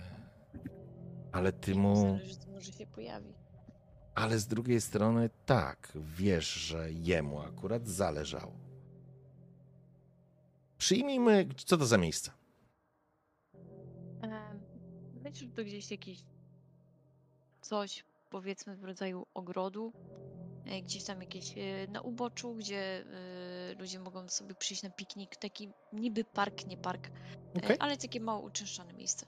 Jest Phoenix, e, są takie góry, które są, są właściwie dwa elementy skalne, nazwijmy górskie, na, na, w samym Phoenix, które w ogóle jest zbudowane na płycie i wydaje się, że jest absolutnie niziną, ale są dwa wzniesienia. Jedna się nazywa, taka góra się nazywa w ogóle Phoenix i tam jest też chyba park jakiś. Przyjmijmy, że to jest mniej więcej tam. Znajdujesz tam faktycznie mężczyzna siedzi na ławce, pali papierosa, ubrany jest w nienaganny, nawet nie garnitur, ale takie lniane spodnie, koszule, podwinięte rękawy, ciemna karnacja, jest diabelnie przystojny. Widać, że jest poirytowany, obok niego stoi butelka z wodą, spogląda na zegarek, on... Widzisz po nim, czytasz go, że... A właściwie czytasz go, rzuć sobie na intuicję. Rzuć sobie na rozeznaj intencję.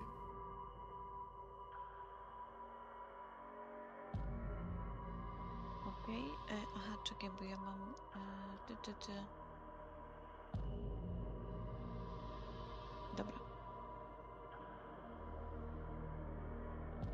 Sukces z komplikacjami. Super. Możesz zadać jedno pytanie w stosunku do tego, jak, co po nim widać. Widzisz, nie? E, Rozeznaj intencje.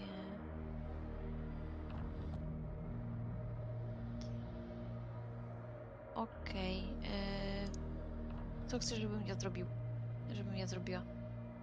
Okej, patrzysz na niego i widzisz, że. To znaczy, sam fakt, że on się tu pojawił, jest faktem takim, że pomimo jasnego dowodu na Twoje kłamstwo, na Twoje oszustwo po prostu, on e, może nie to, że się zakochał, ale jest niezwykle dla niego istotna ta relacja z Tobą.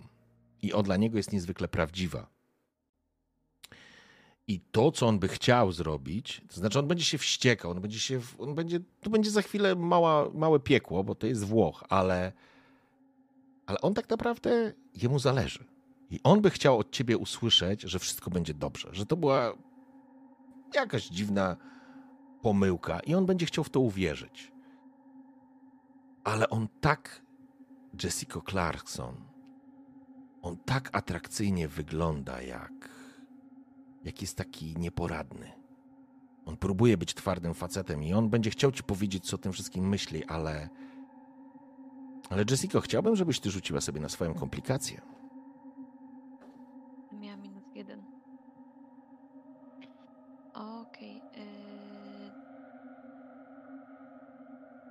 Czyli na zaburzenia seksualne.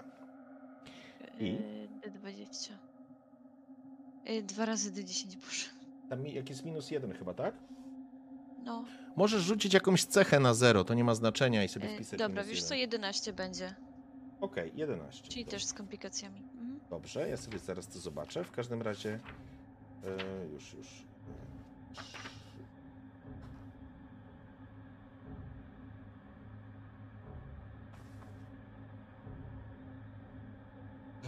Słuchaj, albo pójdziesz z tym typem do łóżka od razu, to znaczy od razu, teraz, albo będzie się to dla ciebie wiązać z obniżeniem stabilności. Nie no, przecież jak jest taki nakręcony, nabuzowany, to oczywiście przecież przyjechał samochodem. Żeby to pierwszy raz. Pójdziemy do samochodu. Okej? I widzisz, kiedy zbliżasz się, on nagle podnosi głowę, spogląda się na ciebie, widzisz wymalowaną na jego twarzy wściekłość. On jest po prostu w furii, ale ty już go wcześniej przeczytałaś. Ty wiesz, że ta furia jest tylko zasłoną. To jest jego jakaś... On stara się zrobić taką groźną minę, bo powinien zrobić, ale on tak naprawdę jest tu dla ciebie. Co to, kurwa? Co, co, co, co, co ty mi wysłałaś? Kim ty jesteś? Się w ogóle nie znam. Co, co, co to było? Co to za gość? Co to za jakiś Peter, kurwa? Kto to w ogóle jest? Peter, Pity, to jest pomyłka. Słuchaj, Marko. Podchodzę do niego, kładę mu dłoń na policzku, e, jednocześnie głaszcząc ucho, bo wiem, że to jest jego słaby punkt. Całuję go i mówię: Słuchaj, przepraszam.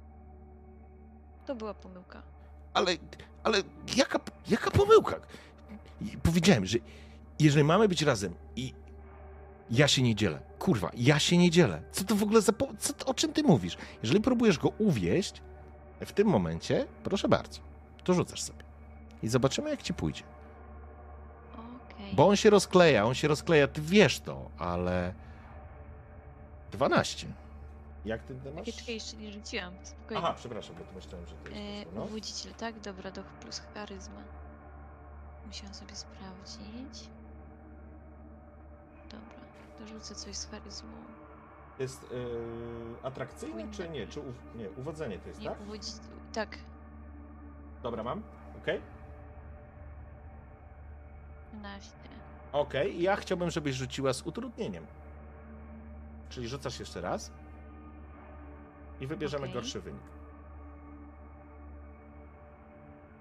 No to 13. Dobrze. Słuchaj, e... No dobrze, w porządku, to wybierz sobie mm, dwie możliwości w takim razie. Z uwodziciela. Okej, to na pewno, że zdradza mi sekret. Eee, Okej?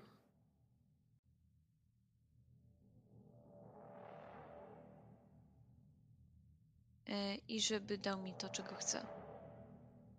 W porządku.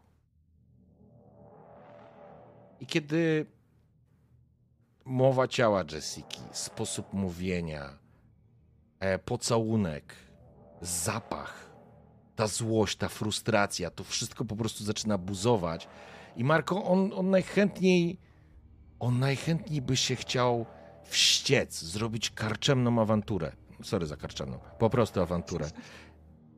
Ale, ale nie potrafi. Nie mogę przestać o tobie myśleć. Łapie cię za biodra, przyciąga do siebie i zaczyna całować. I ta cała wściekłość zamienia się po prostu w kulę emocji i dzikiej namiętności, która faktycznie, jak powiedziałaś, Jessica Clarkson, kończy się w zaparkowanym samochodzie. Mati.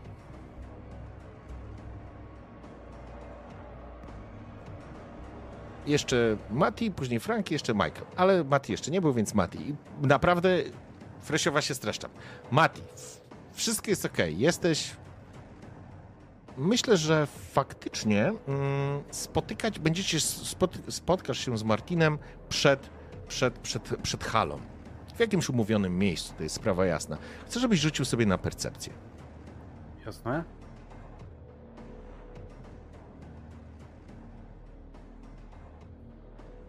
Okej, To jest komplikacja. w porządku. Mm. Jesteś, że tak powiem, naładowany po tym całym spotkaniu, po tym wszystkim, co się działo i generalnie twój umysł chodzi na najwyższych obrotach. Masz się spotkać z Martinem, chcesz o coś go poprosić w porządku, ale coś chodzi ci po głowie. Od momentu, kiedy opuściliście gabinet pana Nolana i wróciłeś do miasta, nie możesz nie możesz pozbyć się wrażenia, że ktoś cię obserwuje. I to jest coś, co, czego już zapomniałeś, Mati. To jest coś, co więzienie w tobie nauczyło. Nauczyło cię. To jest takie bardzo niebezpieczne, coś dziwnego.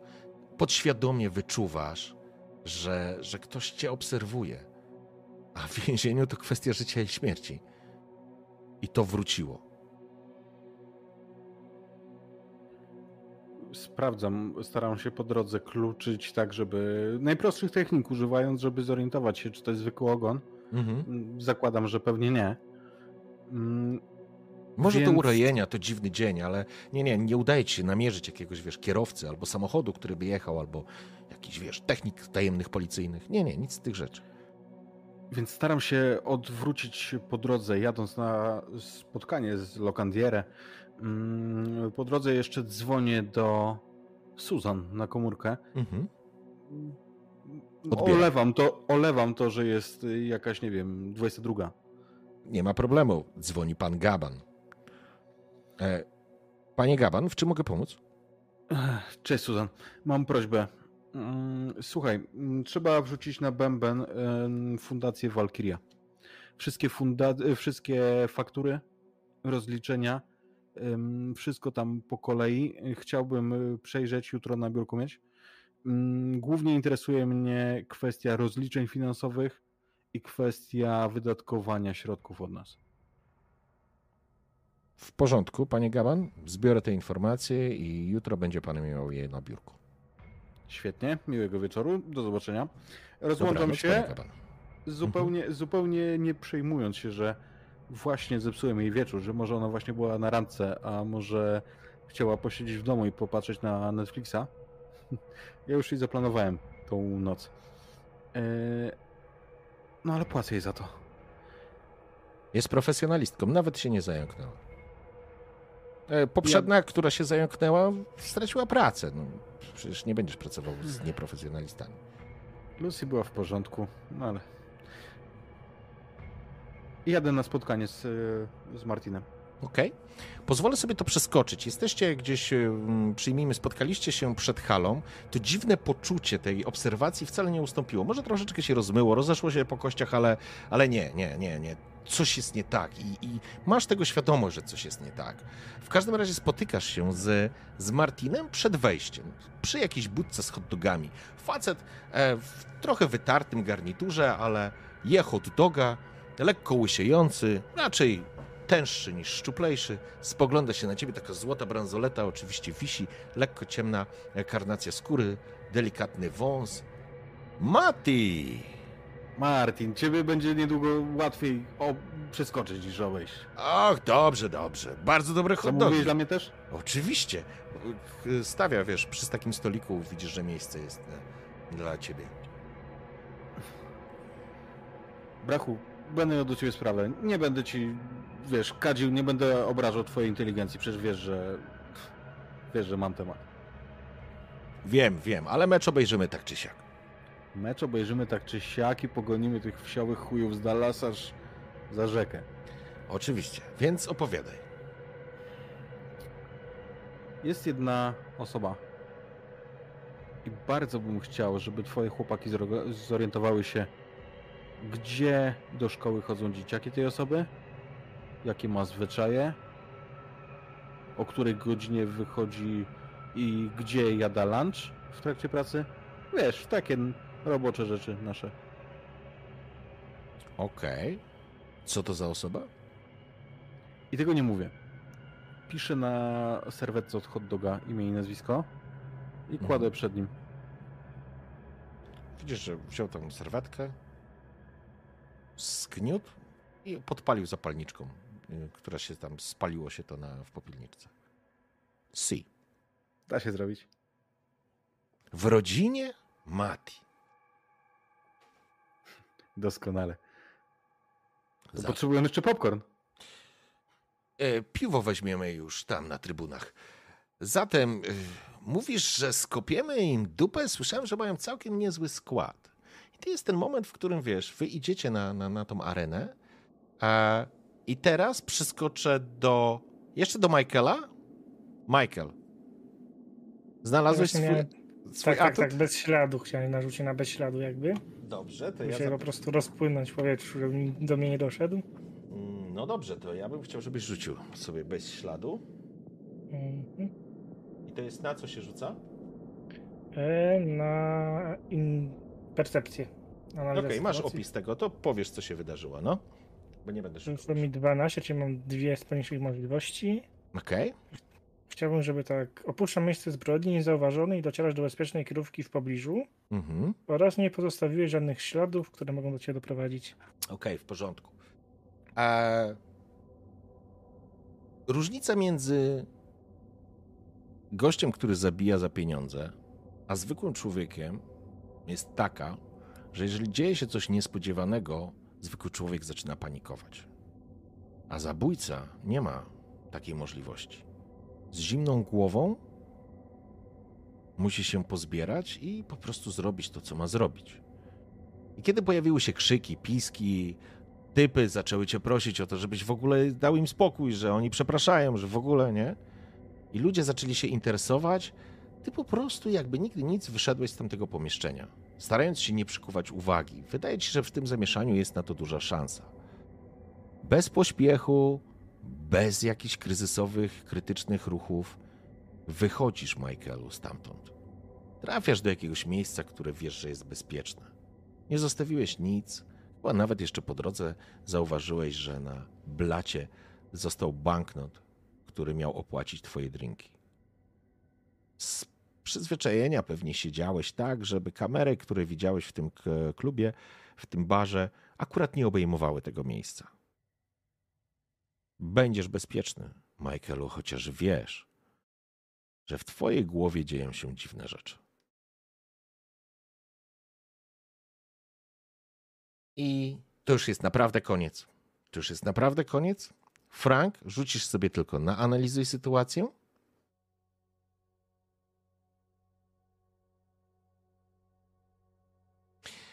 I ja bym chciał, żebyś z utrudnieniem sobie rzucał.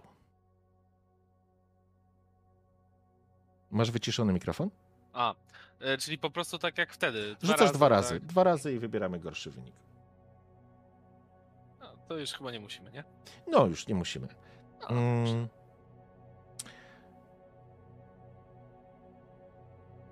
Okej, będziesz miał jedno pytanie do zadania. To pytanie sobie zadamy, jakby to nie jest kluczowe w tym momencie, to nie zmieni niczego jakby w tej, w tej perspektywie.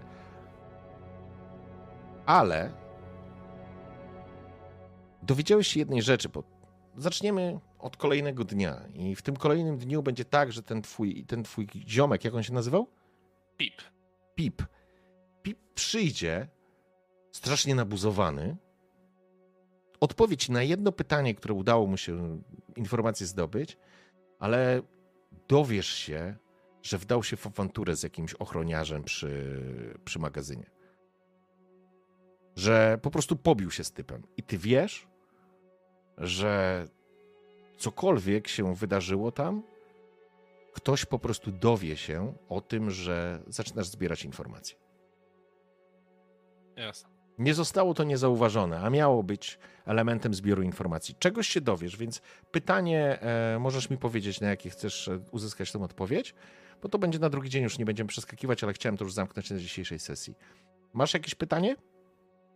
E, po prostu chciałbym, chciałbym mieć listę tak, przewozów towarowych, na, na, na te perfumy, jakby co, co, co jest w składzie, ile tego jest i, i tak naprawdę gdzie mogłoby być potencjalne słabe ogniwo, żebym ja mógł zadziałać. W sensie, żebym mógł coś wprowadzić do listy, coś zmienić. E, to wiesz, co się wydarzyło? Pip faktycznie przyniósł tę listę. Tylko problem polega na tym, że on zajebał w ryj kolesiowi, który stał e, na magazynie i po prostu zabrał mu tablet z informacjami. I to nagrały kamery. Na pewno, bo w takich miejscach na bank są kamery, więc na stówę. E, po prostu Pip dobry chłopak, ale chciał iść po najbliższej linii oporu i najwyraźniej, e, najwyraźniej to nie zatrybiło. To będzie problem, z pewnością. I ty o tym wiesz, Jackson, ale ma ten tablet. Wystarczy go tylko odpalić, złamać, rozszyfrować i hasło i bez problemu. I to już jest koniec, kochani, naprawdę koniec, bo Jessica spędzasz noc z Marco. Marco uwierzył. Może chciał uwierzyć.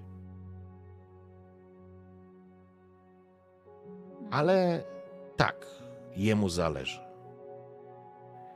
Michael, trafiłeś do siebie do domu, zastanawiając się, co się z tobą dzieje. Frank, czekasz na pipa, układając jakieś, może zbierając informacje podstawowe. A ty, Gaban, kiedy wychodzicie już, żegnasz się z Martinem, powiedział, że się skontaktuje, jak coś będą wiedzieć. Będziemy też na to rzucać sobie na przyszłej sesji już, żeby już nie przedłużać, ale kiedy podchodzisz do samochodu, widzisz, że w przedniej szybie jest wbity kij baseballowy. E, przepraszam, hokejowy. Wybacz, bo to był mecz hokeja. Tak wiesz. Wioskowe chujki z Dallas. I tu zrobimy klaps. Dziękuję pięknie za dzisiejszą sesję.